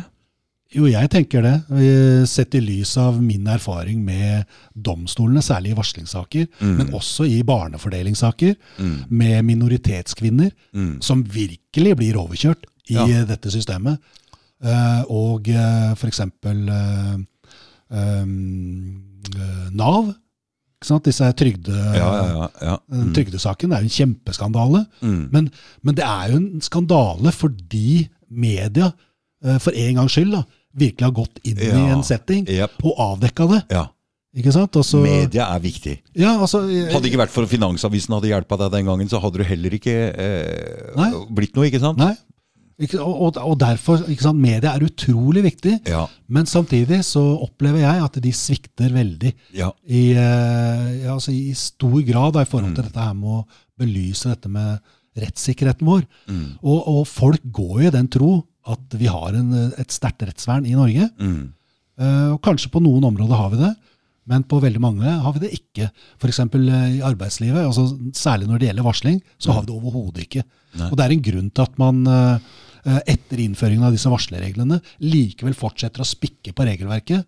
For å, sant, altså Lovgiverne våre, politikerne, de forsøker jo liksom å presisere, slik at dommerne skal uh, følge det som, eh, som er satt da i loven. Mm. Men så gjør det det ikke. Varslerne taper like fullt. Og så kommer da nye eh, spikkinger. Men det samme skjer igjen. Dommerne ignorerer det. Ikke sant? Så, så dette med lovverket Mm. det blir på en måte en sånn veiledende greie Mm. som uh, dommerne vurderer sjøl om de skal følge eller ikke. Og så er det vel sånn at uh, dommer blir på en måte veiledende uh, tidligere dommer også? Ja da. Eh, det, eh, for jeg husker jo fra rettssaker der det liksom bare står ja, her er sånne, noen sånne dommer som ligner, og så står han andre regjeringsadvokaten der med statsadvokaten og sier ja, her har vi en lignende sak med strenge dommer. Ja. Så liksom, de tidligere dommer øh, former rettssystemet, da. Ja, og, og, det, og, av, og det tenker jeg også er litt uh, problematisk, da, dette her med uh, det at man henter inn folk fra ulike eh, steder, altså, eller advokater, da, eh, kanskje først og fremst. Så, eh, det, altså dette med konsensus på domsutfallene Mm. eh, skulle jeg ønske at det var eh, litt mer av Kanskje ikke i varsling, der er det konsensus. For det, varslere vinner jo ikke frem. Men, men det at man eh, kan sammenligne disse ulike rettsutfallene, og se at det er eh, at dommerne på en måte har litt den samme rettesnoren. da. Mm. Eh, men eh, jeg opplever at ofte så er det jo ikke sånn. Man har liksom en dom som sier det, og så en annen dom som sier det helt motsatte. Mm. I to tilsynelatende ganske like saker. ikke sant? Så det er veldig vanskelig å forstå det. Men det behøver ikke bety at det er noe galt med det. altså Det var mange detaljer der som mener man ikke har fått med seg. ikke sant? Mm. Men iallfall, det jeg med sikkerhet kan si, det er at uh, i varslingssaker, som jeg virkelig har satt meg inn i, Mm. så er uh, domstolene eh, holdt på å si illojale mot mm. lovverket. Ja, for det, hun ble jo dømt, hun der i frontline. for å komme Ja, tilbake. tilbake til den igjen! ja. Ja. Vi bare hoppa over Ja, ja, det- det- det resultatet der. Det som skjedde der, var at hun ble jo bare avfeid i tingretten. Mm. Ikke sant? Altså, de, eh, det som, altså, man, altså Frontline Management de snoka jo e-posten hennes. Ja. Ikke sant? Og så, eh, så fikk de en bot for det, da. Mm. På 100 000 kroner i tingretten. Mm. Eh, Men samtidig så mente tingretten at det, det var jo grovt det at hun hadde liksom snakka med en eh, annen ansatt da, om disse forholdene. Ja, for det nevnte du ikke noe om i stad. Det, det, har du ikke nevnt om her nede. Nei, nei, nei altså hun snakket med en eh, annen ansatt. Da, altså, diskuterte litt uh, per e-post Ja. uh, om uh, mulige tvilsomme forhold som skjedde i selskapet, antageligvis. Ja, Men dette kom ikke fram i rettssaken, eller? Jo, det kom fram i rettssaken. Ja. Mm. Ja, ja, det gjorde det. Men det var ikke grunnen til at de eh, Nei, fordi altså, de, de hevda jo, altså arbeidsgiver la til grunn, da, eller anklaget henne for å drive med innside Altså at hun brøt med innsidereglene mm. i forhold til dette med aksjer og, Ja. og på børsen, ikke sant. Mm. Eh, Men for å bryte de reglene, så må man jo faktisk eh, Tjene penger på det. tjene penger på det. Mm. Eller eh, formidle det til eh, andre eksterne. Mm. Ikke sant? Og hun hadde jo ikke gjort det. Det var to ansatte som seg imellom uh, diskuterte disse forholdene. Og det skjer jo i alle virksomheter. Mm. Du, blir ikke, du bryter jo ikke med innsidereglene av den grunn. Nei. Men det, gjorde, det la uh, tingretten vekt på. Det var svært alvorlig, og det samme gjorde lagmannsretten. Men iallfall tingretten de uh, ga henne da 100 000 kroner. Altså at Frontline Management måtte betale 100 000 kroner i erstatning Mm. for at de hadde snoka e-posten hennes. Mm. Eh, for på den måten de gjorde det, var dypt ulovlig. Så det de gjorde, de fant to ting der. De fant noe som omhalte noe snusk innenfor frontline. Men de fant men det ble, ikke, eh, det ble ikke lagt vekt på i det hele tatt. Men så fant de altså en samtale mellom to ansatte som omhalte noe som kanskje kunne ha noe med noe aksjekurs Ja, blant annet, eh, de fant mer, da. Ikke sant? Det var e-postkommunikasjon mellom de to, Ja. hvor de fant ting som de hengte seg opp i. Mm. Som de mente var alvorlige forhold. Mm. Uh, hva, hva det var helt sånn presist, konkret, det, det Så detaljert eh, informert er jeg ikke. Nei. Men, men iallfall så, eh, så eh, ble jo det arbeidsgiver hørt på at det var grunnlag for å gi vedkommende sparken Mm. på dagen. Mm. Um, og, så hun vant da ikke frem i tingretten, men uh, hun måtte ikke betale motpartens saksomkostninger. Mm. Og så kommer det da til lagmannsretten. For hun anker. For hun anker, ja. Mm. Uh, og det skjønner jeg jo veldig godt. Mm. Um, og lagmannsretten sier ja, ja, det var jo alvorlig med denne e-postsnokingen, da, men uh, ikke så alvorlig. Så vi skreller av, vi. Fra 100 000 til 20 000 kroner. Hun fortjener ikke mer enn det. Nei. Og så dessuten så syns vi at dette her uh, hva regnskapsmedarbeideren hadde gjort, det var så alvorlig at uh, vi er nødt til å gi en uh, saksomkostninger fra, for selskapet, for Frontline Management, 600 000 i tingretten, ja, og så 600 000 i lagmannsretten. Så hun fikk, fikk en smell på 1,2 millioner derfra, Mm. pluss en nedjustering av den lille seieren hun hadde, Mm. fra 100 000 til 20 000 kroner. Ikke fuck med frontline, var beskjeden. Ja. ja. Til et av altså, Og det Altså, det å gå frem på den måten overfor en regnskapsmedarbeider som uh, egentlig ikke hadde gjort noe galt Det eneste som virkelig ble bevist, det var jo at uh, Frontline Management hadde snoka e-posten ulovlig. Mm. Så det er, dette henger jo ikke sammen. Og, og det å gi en regnskapsmedarbeider saksomkostningene til uh, arbeidsgiver, hvor lederen er en av verdens rikeste Mm. mennesker Mm. altså, Hva slags eh, signal er det? Nei, men nå skal jeg bare si noe rart om han Fredriksen. Fordi hvordan han skapte seg den første formuen der, var at han fikk lov å, som den eneste rederen fikk lov å kjøre mellom Iran og Irak-krigen. Ja. Freda i Gulfen der. Mm. Det er noe muffen, sa jeg. Ja, det kan godt Og være. bare han som fikk lov å kjøre der. Andre eh, turte ikke fordi de, ble, bli, de kunne bli senka. Men han hadde fritt leide der. Hvem var det som Ja, Hvorfor fikk han fritt leide der, tror du? Jeg vet ikke. Det er et eller annet, det er noe muffens her. Samme som Onassis gjorde det samme der og tjente seg rik på det der. Ja, da, men Ja, Penger, vet du, det smører godt. det. Og noen har veldig mye av dem. Ja. Ja. Og, så de er beskytta av en eller annen Ja, ja, ja. høyre mektigere Ja. hånd der, altså. Ja da. Men uh, sånn er det. Men du, det men du Per Yngve, du, du ga deg jo ikke med den uh, Det holdt jo ikke for deg å varsle én gang. Nei da. Ja, Ikke det- sant? For at du, du, Jeg er jo en eh, du er jo en varsler. ja, ja, sant, Jeg fikk jo Frittors pris etter Simen-saken. Ja. og jeg fikk Solarprisen. Mm. og, og fikk jo veldig mye kred, kan du si. Ja. Og jeg beholdt troverdigheten min. Ja. Jeg vant frem. Det var jo kjempeviktig. Ikke sant? Um, og, og det var jo fryktelig vanskelig for Simen, selvfølgelig. Mm. Um, men det gjorde jeg, og jeg har holdt uh, mye foredrag om uh, saken. Mm. Uh, og så etter hvert så Jeg skrev en bok, og så begynte jeg å søke jobber igjen. Mm. Jeg husker jeg måtte gå Jeg søkte mange, mange steder. Mm. Eh, og jeg var egentlig ganske dårlig på den tida. Uh, psykisk nede. Ja. Jeg hadde ikke fått henta meg etter uh, den prosessen. Mm. Og det må jeg si, det, det å stå i en sånn uh, varslerprosess mot uh, Siemens, som er et av verdens største selskaper Mm. Jeg visste at jeg hadde alle mot meg, Mm. i tillegg til at jeg hadde Forsvaret mot meg. Mm. Jeg hadde regjeringsadvokaten mot meg.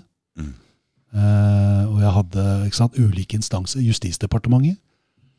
Eh, så jeg følte at det var eh, mange mektige mennesker Mm. som ikke ønsket at jeg skulle vinne frem. Mm. Uh, og det tok veldig på. Jeg, både jeg og kona fikk jo drapstrusler. Ja, ja. Det er såpass. ja, ja. Det, jeg skulle skytes, da. Mm. uh, altså det, det var en ugrei tid, da. Ikke sant, men, og det er greit, du skal skytes, men når du begynner å gå på familien og sånne Ja, ting, så må du tenke annerledes. Altså. Ja, da. Og, og det er klart, jeg, jeg skal innrømme at jeg tenkte at det kunne hende at det kom en serber en dag. da. Mm. Ikke sant? Og Ja, ja. Fått, uh, skjer, fått altså, litt betaling. Altså, det har, men altså, i etterkant så blir det jo litt uh, åpenlyst, men det har jo skjedd ting her i Norge. Altså, det er jo Som ikke kan forklares, ja. Ja. ja da. Mm. Datt jo en ut av et hotellvindu i Yes. København Ja, her, ikke sant? så ja, det, er, det, det, det skjer ting. ja. Eh, Det er vanskelig å vite, Ja? Men, eh, og det gjør at Og jeg var jo paranoid, jeg, ja. til en viss grad. Mm. Og samtidig så var det en veldig viktig egenskap, faktisk. Å ikke ha tillit til noen, noe som helst. Mm. For det gjorde at jeg iallfall uh, fikk det ut Altså den dokumentasjonen jeg hadde. Ikke og, sant? Ja, ja, ja. Nei, altså det, øh, paranoiaen er på en måte for å beskytte deg. Ja, det er det. Så det, det må man ha. Men iallfall så uh, søkte jeg mange steder, og jeg kom jo til intervju Mm. mange steder. Mm. Men egentlig så var de jo interessert i å høre historien. Ja. Og så var det i spørsmål om å velge en kranglefant som meg, eller en annen med tilsvarende Mm. uh, kvaliteter, da, eller Mm. kvalifikasjoner. Mm. Så valgte de heller den andre. Mm. Bedre å være på den sikre siden. Og så kom jeg til uh, Fretex, Ja. Øst-Norge, Mm. med og den daglige læreren som var der, Mm. øh, hadde et annet syn på det. Ja. Og tenkte at uh, jeg var en ressurs. Nettopp, for, Og en bra mann. Ja, nettopp fordi jeg var en varsler som hadde sagt ifra. Mm. Og det, det så, øh, jeg kunne ikke tenke meg at hvis du har rent mel i posen i bedriften din, så er jo det et reklame for bedriften Yes, å ta yes, inn en som er varsler. For her er det, liksom, her er det strøket. ja. Det er jo sånn man må Ja, tenke. det, det husker jeg tenkte den gangen også. At, øh, Mm, mm. Er det ikke flere som ser det der, da? Ja. Eller hva betyr dette egentlig? Hva betyr det? Ja, da? hvorfor vil de ikke ha meg? Er det, hva slags fanteri er det en driver med? Ja. Men, øh, men øh, ja. Jeg endte opp i hvert fall i Fretex da, Mm. i 2008. Mm. øh, og ble administrasjonssjef der. Mm. Og og det gikk jo veldig bra. Da fikk du endelig orden på økonomien, og Ja, ja, ja, endelig så ble det orden igjen. Ja, jeg fikk liksom øh, kommet meg, da. Mm.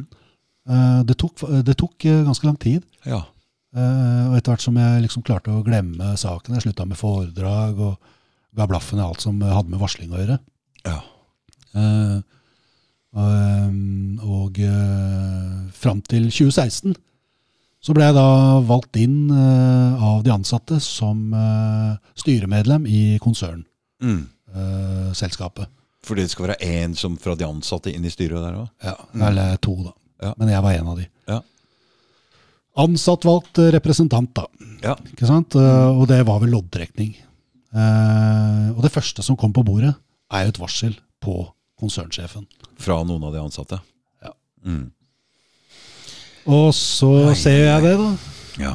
Uh, og jeg er jo sånn laga. Jeg, jeg husker jeg sa det den gangen i forbindelse med Siv-saken. at uh, jeg kommer aldri til å varsle igjen, med mindre jeg har liksom fått meg en annen jobb. Så kan jeg si ifra i etterkant. ja. Men da, da vet jeg at hadde jeg gjort det i Siven-saken, så hadde det jo aldri skjedd noen ting. Eh, det skjedde jo nettopp fordi jeg ikke kunne gi meg. Mm. Jeg måtte legge press der hvor jeg kunne legge press, da. Mm. Eh, fordi jeg eh, fortsatt var ansatt i Siemens. Mm. Ellers hadde jeg jo gitt opp for lenge siden, Mm. eh, hvis jeg eh, hadde fått meg jobb et annet sted. Ja. Men, men eh, likevel, da. eh, når jeg da kom i den situasjonen i Fretex, sitter i styremøte der Eller det var vel ikke styremøte, vi hadde bare fått mottatt disse e-postene, da. Og så ser jeg jo eh, ganske raskt at eh, denne varslingen eh, har jo noe for seg. Mm. Det er, og det er jo varsling om arbeidsmiljø, kan du si. Arbeidsmiljørelatert varsling.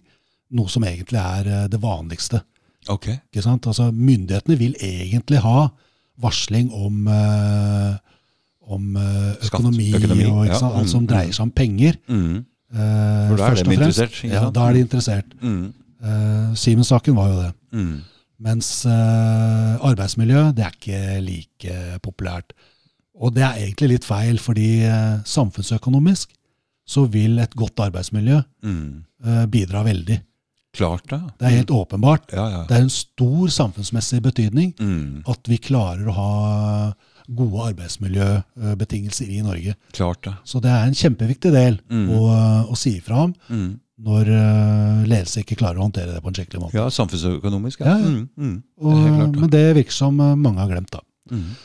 Uh, men iallfall så eh, må jeg, jeg eh, Ja. eh, jeg er jo bygd sånn da, at jeg eh, kan liksom ikke la være å agere dersom jeg har muligheten til å gjøre det. Mm. Samtidig som jeg visste at uh, sier jeg fra om dette her, Mm. det gjelder konsernsjefen, så, uh, så mister jeg jobben. Mm. Eh, så jeg diskuterer, jeg dro hjem til kona og diskuterte dette her. da. Ja, ja, ja. Er du klar for en Ja, ja. Hva tenker du? vi finner, Ja, men, altså, vi finner vel ut av dette, vi. men jeg, jeg tenker at jeg må liksom agere på det. Ja. For ellers så vil jeg jo aldri kunne respektere meg sjøl igjen. Riktig. Ikke sant? Mm. Um, Fordi når du gjør en ting sånn, et veivalg sånn, så blir du sånn. Jepp. Det er akkurat det. Mm. Og, eh, og jeg, eh, jeg kunne ikke leve med det, Nei. egentlig. Nei. Da hadde jeg, da, og da tenkte jeg at da ville jeg alt jeg har gjort tidligere, Hva er viktigst? ja, Mm. da, alt jeg har gjort tidligere, ville da på en måte vært forgjeves. Ja. Da har jeg liksom blitt den samme ulla. Mm. Samme feige ulla. Det ville jeg ikke. Nei. Um, så jeg tok det videre. Tok det opp med styret. Så viser det seg at uh, styret, resten av styret, da, det er øverste ledelsen i Frelsesarmeen, Mm. de har jo vært med på dette her. De var med på hele den prosessen mot denne personen som ble, etter 25 år i selskapet, ble tuppa ut Mm. uh, fordi han hadde eh, sagt imot uh, konsernsjefen Mhm. eh, om sitt fag. Da. Okay. Det ble ikke tatt godt imot. Og så ble han utsatt for diverse gjengjeldelser. Mm. Men disse Frelsesarmé-folka her, eh, er de kristne? Er det en sånn kristen gjeng, det der? Eller er, skal jo være det? Men eh, det å være kristen er ikke det samme som å være redelig. Nei! Nei, Det er to helt forskjellige ting. Ja, det det. Jeg tviler ikke på at de tror på Gud og Jesus. Ja, det. Men, eh, men hvor sterkt de tar inn over seg de ti bud, Nei. det er jeg mindre sikker på. Mm. Ja. Mm. Og, og, og for meg så er det eh, Det er ekstra kvalmende, da. Mm. Eh, At det, det er noen som forfekter eh, Mm. eh, ikke sant? Eh, Altså Gud og Jesus og edle Mm. Mm. eh, verdier. Mm. Eh, mens i virkeligheten så er det noe helt annet. Mm. Eh, det får jeg avsky for. Mm. Eh, og det må jeg si at jeg opplevde i rikt monn i eh, Frelsesarmeen. Mm.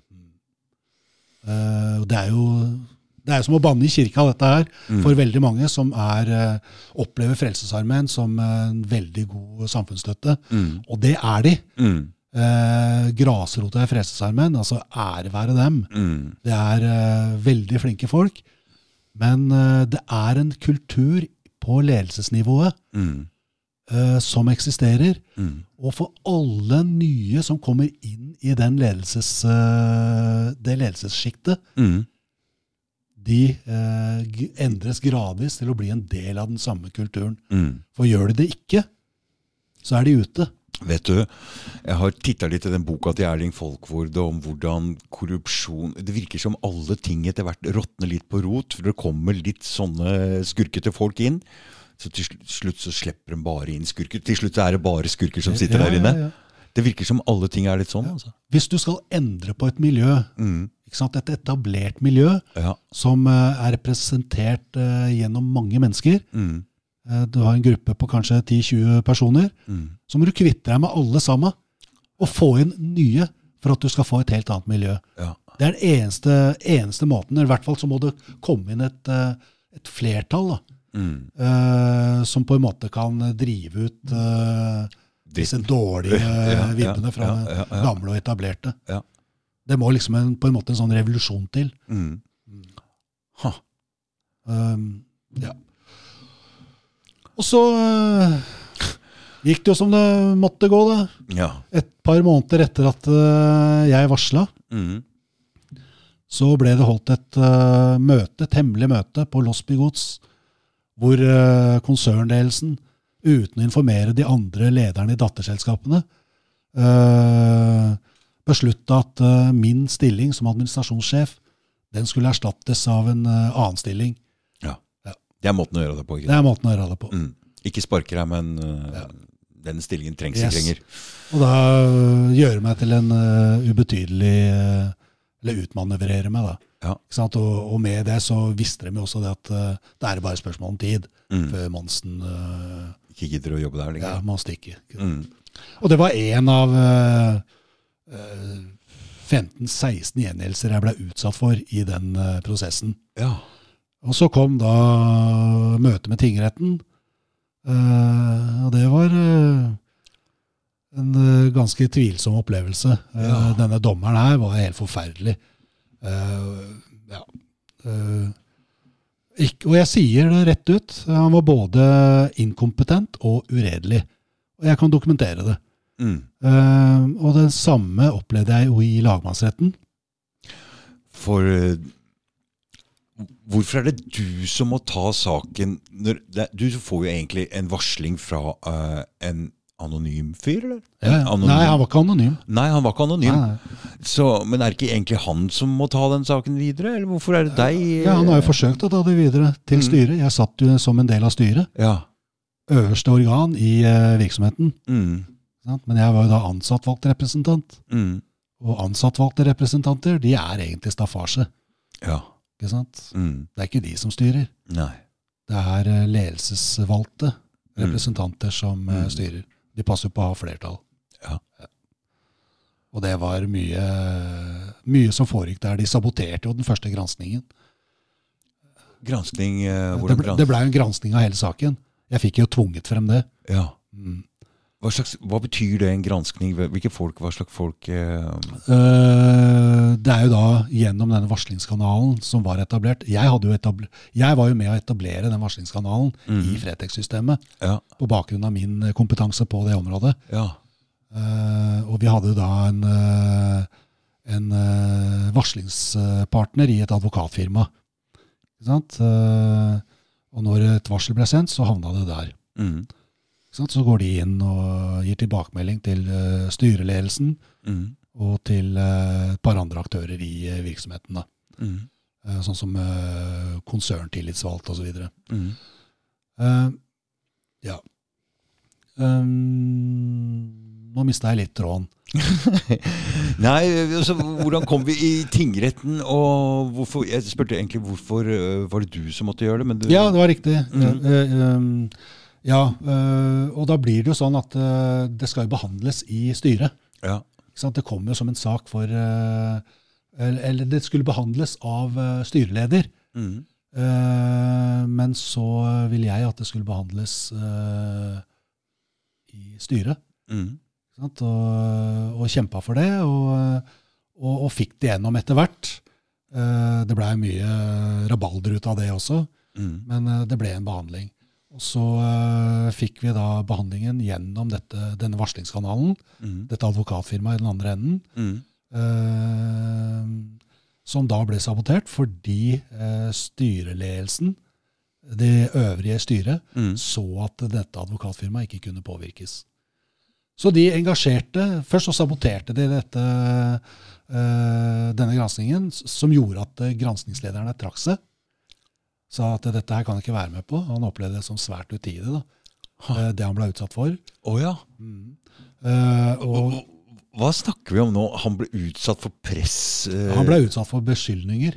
Ja. Han ble beskyldt for å ha for å ha eh, knytninger til meg. Aha. Ja. Mm. Eh, og det er jo helt feil. Eh, og det var basert på noe, at noe som angivelig sto i min bok 'Muldvarp i Siemens'. Mm. Erling Grimstad. Ok. Mm. Uh, Hvem var det som opp, oppnevnte disse granskningsfolka? Altså det, det, skje- det er på en måte en viss automatikk, da. Ja vel. Sant, i utgangspunktet. Men, uh, men, altså Jeg fikk jo med meg de ansatte Mm. i å kreve at vi måtte bruke vår egen varslingskanal Mm. eh, til å granske et forhold. Ja. Og ikke la styret lete frem en annen, eh, et annet advokatfirma Mm. som vi ikke hadde noe kontroll med. Mm. Ikke sant? For vi hadde en viss erfaring med, med dette advokatfirmaet som eh, sto for den varslingstjenesten vår. Mm. Og, og vi var trygge på dem.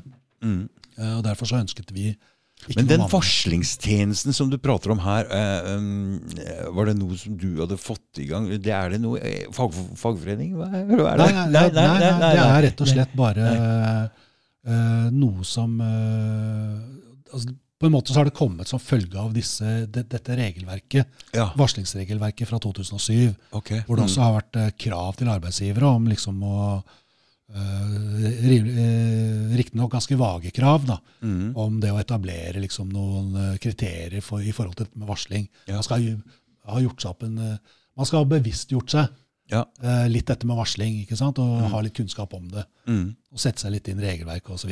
Okay. Uh, men uh, Fretex dro det jo lenger. Mm. Den tidligere personalsjefen der, som var veldig flink, eh, han og jeg gikk sammen og, og fikk eh, satt på plass, eller etablert, et, eh, et varslingssystem som gjorde at eh, ansatte kunne via nettet eh, melde fra anonymt, f.eks. Ja. om ting de hadde på hjertet som de mente var alvorlig kritikkverdige forhold. Mm. Ikke sant? Og, da, Og det er jo bra, det er kjempebra. ikke sant? Og det, var, og, ikke sant? og det er sånn som uh, skaper tillit. Og det ble lagt inn i våre etiske retningslinjer Ja. osv. Mm. Sant? Eh, Og så da, når det da kommer en varsling, Mm.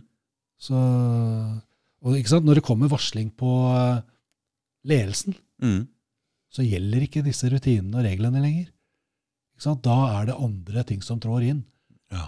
Uh, mens eh, varsling på lavere nivå, Mm. så, så er det egentlig Grei Ja, da er det grei skuring, egentlig. Ja, ja. Å følge disse prosessene. Mm. Men eh, de blir bare ikke fulgt i, når varslingen gjelder de som er eh, høyest i organisasjonen. Det så du i Siemens-saken. Mm. Det, det er ingen jeg vet om som hadde bedre utbygget eh, varslingsprosesser og rutiner enn Siemens. Nei. Men de misbrukte det jo. Mm. De hadde lagt dem opp Mm. uh, tilsynelatende for uh, Mm. USA, da. Mm. Eh, men de håndterte det på en svært varslerfiendtlig måte. Så det ender i tingretten, dette her. Ja, det ender i tingretten. Eh, jeg eh, taper jo. Eh, får ikke noe gehør. Eh, han mente at det var helt naturlig med omstillingen av virksomheten at min rolle som administrasjonssjef skulle forsvinne. Ferdig. Ok, så, du, så du, du, du ehm, Det du går til uh, sak med, det er din egen sak? Det er Ja, ikke ja, ja. varslingssaken? Nei, det er helt riktig. Ja. Ikke sant? Fordi uh, varslingssaker Jo, altså etter at de saboterte den første granskingen, Ja. så fikk de inn et, eh, et nytt selskap, advokatfirma Grette, Mm. og, som da utarbeida en rapport på bestilling. Mm. Og det kan jeg si rett ut, for det, det ser jeg jo, og jeg kan bevise det. Og jeg har konfrontert disse granskerne med det i etterkant. Mm. Og eh, eh, blant annet, altså de kommer med sånne helt eh, eh, altså Det er så lovbrytende, lovstridig eh, gransking som de har holdt på med. At det eneste årsaken til at de har gjort det, er at de har fått, eh, en, eh, fått til en avtale Mm. med eh, ledelsen i uh, Fretex Frelsesarmeen, Mm. og som uh, Fretex Frelsesarmeen har betalt eh, noen millioner kroner for. Mm. Ikke sant? Eh, og det er at jeg ikke skulle vinne frem, og at eh, de har overholdt alle lover og regler. Mm. Ferdig. Ferdig. Men du mister jobben din, og det er det du går til sak med? Det er det jeg går til sak på. ikke sant? Og også underveis i den prosessen der, ikke sant, så kommer det da plutselig så er det snakk om en omorganisering. Mm. ikke sant? Og da, da går jo alarmklokkene på med en gang. Plutselig, rett etter varslingen, eh, rett etter at jeg liksom har eh, tatt til orde for at eh, det som skjer denne personen, er ugreit, at jeg kommer til å forfølge det, Mm. eh, så blir det snakk om en omorganisering fra konsernledelsen. Mm. Og så tar det bare et par måneder. Så uten at jeg vet om det, så er min stilling borte, eller blir eh, allerede planlagt bort, Mm. uh, lenge før omorganiseringen starter. da. Ja. Men uh, og så setter i gang en omorganiseringsprosess basert på ting som egentlig ikke er eh, strengt tatt nødvendig. Mm. Og, og de gjør det i et sånt omfang eh, nettopp for å Kamuflere ja, kamuflere uh, gjengjeldelsene, kan du si. mm. Fordi, og, eh, og ikke minst det at eh, altså Det som var spesielt i min sak, da, det var at jeg fikk med meg hele direksjonen. Jeg fikk med meg ledelsen i Fretex Øst-Norge eh, til å ta dette varselet. Ja. Til å sende dette varselet. Mm. Så, og det er jo helt uvanlig Mm. at en ledelse i et selskap eh, går mot eh, konsernledelsen. Ja, for, Men det, men det gjorde vi, mm. alle sammen. Og, og, og, og vi var en veldig sammensveisa gruppe. Mm. Eh, Så det konsernledelsen måtte gjøre da, det var jo å omstrukturere på en sånn måte at eh, makten ble sikra hos konsernledelsen. Mm. Ikke sant? Så at de Mm. pulveriserte rett og slett uh, makt utover i organisasjonen. Mm. Så de uh, endret på hele organisasjonsstrukturen, slik at de fikk all makt. Og de satte seg sjøl inn i alle posisjoner i styret osv. Så. Mm. så det var jo da Så du mente du hadde en ganske god sak når du gikk til tingretten? Ja, ja. Ja. Jeg hadde jo en god sak, Ja. Og jeg skulle ha vunnet, jeg. Ja. Eh, helt klart. Det var ikke tvil om at jeg var utsatt for uh, massive gjengjeldelser, og jeg kunne jo dokumentere det Ja. veldig tydelig. Ja. Og så er det jo sånn, det står faktisk det at dersom eh, arbeidsgiver ikke kan sannsynliggjøre noe annet, så skal det legges til grunn at jeg er blitt utsatt for gjengjeldelser. Ja. Ikke sant? Når jeg legger frem bevis for at jeg eh, har blitt utsatt for det. Mm. Men eh, sånn er det ikke. Og, eh, og da, kom, da får du, kan du lese dommen etter, hvor det så liksom etter en samlet bevisvurdering. Så, eh, så har Monsen eh, utvilsomt ikke blitt utsatt for gjengjeldelser. Mm. Det er den type, den type retorikk. Ja. Forklarer jo ingenting. Nei. Og når de forklarer noe, så gjør de det på en løgnaktig måte. Og, og tingretten er nå én ting. Der ble jeg i hvert fall ikke Der måtte jeg ikke betale motpartens saksomkostninger. Så kommer jeg til lagmannsretten. Hvem er det som hjelper deg økonomisk her nå med advokatutgifter? Eh, Det er jo ingen Det er jo ingen, det. på det tidspunktet. Nei, ikke sant? Det er jo et kjempeproblem. Mm. Eh, Du som varsler, Mm. du, du blir jo personlig ansvarlig. Ja. Ikke sant? Mens, mm. og du står da mot en arbeidstaker og mot synderne Mm. som, som bruker virksomhetens midler. Mm. Ikke sant? Så Ja. for dem så betyr det ikke noe. Nei. De har ikke noe å frykte. Mm. Mens du har jo alt å frykte og tape. Mm. Eh, Så det er, eh, altså, Den konstellasjonen der er jo i seg sjøl altså, i utgangspunktet helt forferdelig. Mm. Eh, Så hvis du ikke får hjelp fra fagforeninger eller sånn, Mm. eller at du er svært bemidla, Mm. så, så er det jo galskap Ja. å gjøre det. Mm. Men, men jeg var gal nok til det, da. Ja. Og jeg fikk smake det. Mm. Og jeg Jeg ble jo idømt motpartens saksomkostninger okay. idet jeg ble tuppa ut av virksomheten. Ja. Ja. Jeg fikk jo da totalt eh, eh, halvannen million kroner eh, i kostnader, Mm. samtidig som jeg blei fradømt stillingen. Mm. Mista jobben. Og det, og det skal man da betale tilbake. Ikke sant? Det er jo helt, helt hårreisende, samtidig som domstolen da tar bort den muligheten til, for meg til å betale tilbake. Jeg har jo plutselig ikke lønn lenger. Nei. Ikke sant? Uh, Så det var det som skjedde i lagmannsretten? Det som skjedde i lagmannsretten, og det som da også viste seg, var jo at uh, Anne Katrine Haug Hustad, da, som var hoveddommeren der, Mm. uh, som skrev en uh, Jeg tok jo opptak. Eh, Jeg sa ingenting om det, men jeg tok jo lydopptak. Du har alle lydopptakene fra Ja, lydopp fra ja, retten. Ja, ja, ja. Eh, Og jeg kan jo bevise eh, at eh, det hun skriver i den dommen, ja. er juks og løgn og Å, fanteri. Ja. Å, ja. Ja, ja. Ja. Og så gjorde jeg en nærmere sjekk av henne. da. Og så viser det seg at uh, hun har jo eh, fartstid fra regjeringsadvokaten. Mm. Hun var hos regjeringsadvokaten Den gangen. under Siemens-tiden. Mm. Og gubben hennes uh, jobber også hos regjeringsadvokaten fortsatt den dag i dag. Mm. Ja. Og dette her er jo det her er jo forhold som hun er pliktig til å opplyse om, Mm. jf. Det, om det er domstolloven paragraf 108 eller hva det er for noe. Mm. Eh, så er de pliktig til å, eh, til å uttale seg om ting som kan ha betydning for deres habilitet. Mm. Men eh, hun holdt helt munn om det. Mm. ja. Så de fikk tatt Monsen til slutt der, altså? der fikk de tatt rotta på Monsen. Fader. Og så, ja, og så fikk jeg jo hjelp, da, fritt ord, til å eh, Ja. anke til Høyesterett. Mm. Eh, fordi også de mente det var eh, sterkt urimelig Ja. at en forsvarlig varsler i aktsom god tro Mm. skal ende opp med motpartens saksomkostninger. Mm. Og, For hvis det er sånn, så vil jo ingen tørre å varsle. Nei. Og, da, og da, altså det går så mye mot eh, det helt grunnleggende for varslingsinstituttet Mm. at uh, dette ville de ha prøvet i Høyesterett. Mm. Men Høyesterett bare avfeide det tvert.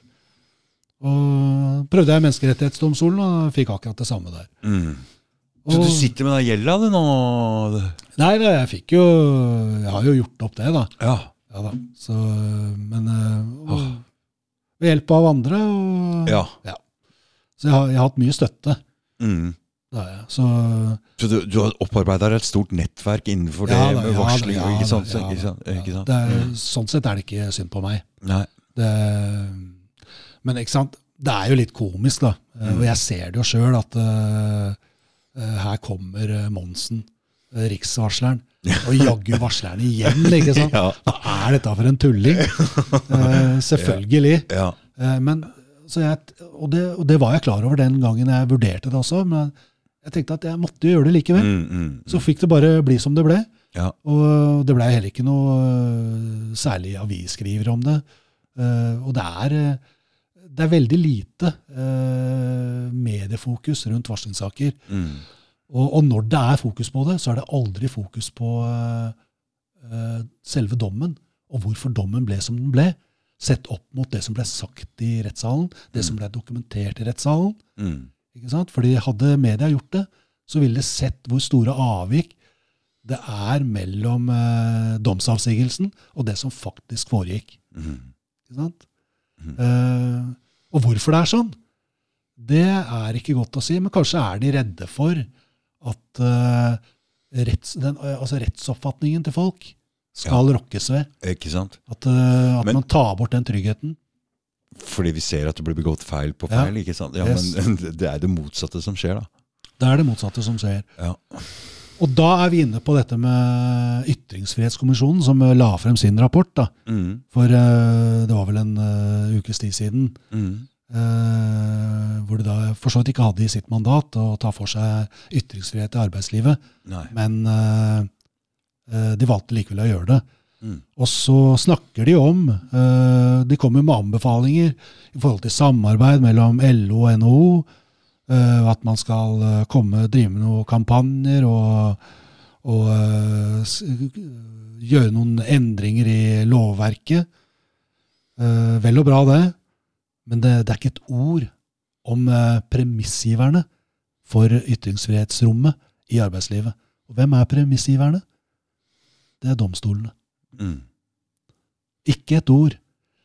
Og uh, for meg så, eh, så blir da det hele uh, Det virker uh, nesten sånn ironisk. Det er jo feigt. Mm. For det er ingen som tør lenger nå, Nei. ikke sant? Og at en ytringsfrihetskommisjon ikke våger å snakke om domstolene Mm. i det perspektivet, Mm. Altså det blir jo komisk. Mm. Eller skremmende. Veldig skremmende. Mm. Um, for det er helt åpenbart. Det er jo som en dommer på fotballbanen. Ikke sant? Hvis uh, dommeren uh, gir en, et lag uh, lov til å takle stygt, Mm. så fortsetter jo dette laget å takle stygt. Og Mm. enda styggere Mm. i neste omgang igjen. ikke sant? Mm. Eh, og det er jo akkurat det som skjer i arbeidslivet òg. Det er en grunn til at arbeidsgivere eh, skyver grensene sine. Mm. Og det er en, derfor en grunn igjen, eh, som en følge av det igjen, at flere og flere arbeidstakere blir redde for å si ifra. Samtidig så har det blitt verre og verre å være arbeidstaker her i Norge også. På grunn av EU og alle Det er sant. Så- så og, det- og dette her med deltidsjobber og Og vikarbyråer, Yes. og det er vanskelig å få Ja faste stillinger Ja og sånne ting. Ja. Så det har blitt øh, vanskeligere. Ja. Og det er, jo, eh, det er jo maktstrukturene som sørger for at det ikke skjer. Mm. Ikke sant? Eller at eh, du har jo liksom. Altså, ja. Det er, det er jo to sider av en sak. da. Du har ikke sant, Arbeidsgiversiden de er jo interessert i å kunne svinge seg fort i et uh, svært konkurranseutpreget samfunn. Mm. Det skjønner jeg veldig godt. Mm. Sant? Samtidig som uh, arbeidstakersiden vil ha det mer oversiktlig og en trygghet for sin fremtid. Ja da, jeg skjønner Men begge deler må jo kunne gå an å få til Mm. på en uh, god middelvei. Mm. Men jeg føler at eh, eh, på en måte den beste tida er over. Ja, ja. Mm, At man mm, eh, nå mm. går tilbake mer og mer, Mm. hvor eh, arbeidsgiver får eh, uforholdsmessig stor makt. Og der burde jo domstolene vært med og satt grensene, Mm. og tydelig markert at dette er ikke greit. Mm. Dere får ikke lov til å gå frem sånn. Mm. Nå får dere si. Mm. Men i stedet så, eh, så er det arbeidsdagerne arbeidstakerne Ja, ja. som får saksomkostninger på Ja, er flere vilt. millioner kroner. Det er helt vilt. Ikke sant? Det er helt vilt. Hvem tør? Og- Hvem tør? Hvem tør? Hvem tør? Og, da, og, det, og, det, og dette er spiralen. Mm. Ikke sant? Og da syns jeg det er fryktelig leit at det heller ikke blir adressert i rapporten til Ytringsfrihetskommisjonen. Mm. Det er rett og slett kjempeskuffende. Ja. Per Yngve. Ja. er du ør i huet? Nei, Det er jeg. Nei, ja. Nei, det, har vært, det, har vært, eh, det er to spennende saker, og det du prater om er veldig, veldig spennende og aktuelt. Og den blir nødt til å bli tatt tak i. Ja, altså, jeg må jo si det, at eh, altså, nå må jeg markedsføre meg litt. Ikke sant? Gjør det, gjør det. Sant? Med Monsens Revelje. Ja. Jeg gjør litt som deg. Jeg, jeg skriver jo ett innlegg eh, Hver uke. hver uke Ja. På søndager Mm. eh, som omhandler eh, dette med ytringsfrihet og varsling. Mm. Og jeg går veldig mye inn på dommer Mm. og eh, domsavsigelser. Mm. Eh, Sånn som, eh, og ikke nødvendigvis i eh, varslingssaken, men jeg vet ikke om du har fått med den Allan Henriks, Henriksen-saken? Jeg har selvfølgelig fått med meg Vi snakka litt om det òg. Ja, den er helt drøy. Den er drøy. Det, det endte jo med at uh, han, han blei virkelig utsatt for et justismord. Blei uh, av domstolene eh, fremstilt som en eh, pedofil, Ja. eh, uten at han var det. Mm. Eh, utvilsomt ikke. Mm. Og eh, det endte jo da med at han valgte å ta livet sitt. ja. Og la det ut på video også, Yes. og det var helt drøyt. Jeg husker det der i fjor. ja. Og Du, du, du, du, hadde lyst til at jeg skulle gå litt inn i den saken der, men jeg må jo ha noen til å prate om det. Ja, du kanskje at advokaten hans ville Kanskje. Men, det, men jeg tror nok det er en del som uh, i eh, Altså de som var rundt han, Ja. de At det- vil nok uh, kunne si uh, At ganske han mye om hadde et nettverk rundt Ja, ja, Mm. det hadde han. Mm. Med også lærere fra samme skole. Ja. Så det var mange som vitnet for han. ja. Eh, det fremgår jo ikke av dommen. Det der er så drøyt. Han la ut altså en video av seg sjøl hvor han sier ha det, og solgte Ja, leiligheten og gikk og skjøt seg opp sjukehuset. Yes, han sa jeg har mista, jeg har mista totalt eh, trua på eh, rettsvernet vårt, på samfunnet. Jeg orker ikke å leve i et sånt miljø som dette. Så jeg takker for meg. Og det er ganske sterkt. Mm. Og det er noen som bærer et ansvar for dette. Mm. Ja, jeg er helt enig. Den saken må belyses mer. Altså. Ja. Det burde den. Mm. For det jeg, det jeg husker, var egentlig bare noe på Facebook. Jeg husker ikke at media tok så veldig tak i det. Eller gjorde de det? Nei, det gjorde ikke det. Det, det var vel eh, et par lokalaviser som tok tak i det Mm. eh, for å glatte over. For å glatte over. Ja. Mm. Eh, ikke Altså, de, de var faktisk med på å eh, fremstille Allan Henriksen som en eh, eh, psykisk, eh, psykisk syk person. Mm. Mm, basert på at han hadde selvmordstanker som ungdom.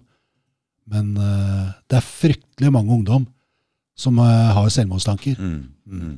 Men det ble brukt mot han Mm. av disse mediene. De tror jeg hadde en helt egen agenda. Og det ble det veldig mange reaksjoner på. Bra tips, eh, Per Yngve. Skal ta tak i det. Ja. Tusen takk for at du kom. Tusen takk for at jeg fikk komme. Mm. Ha det. Jo.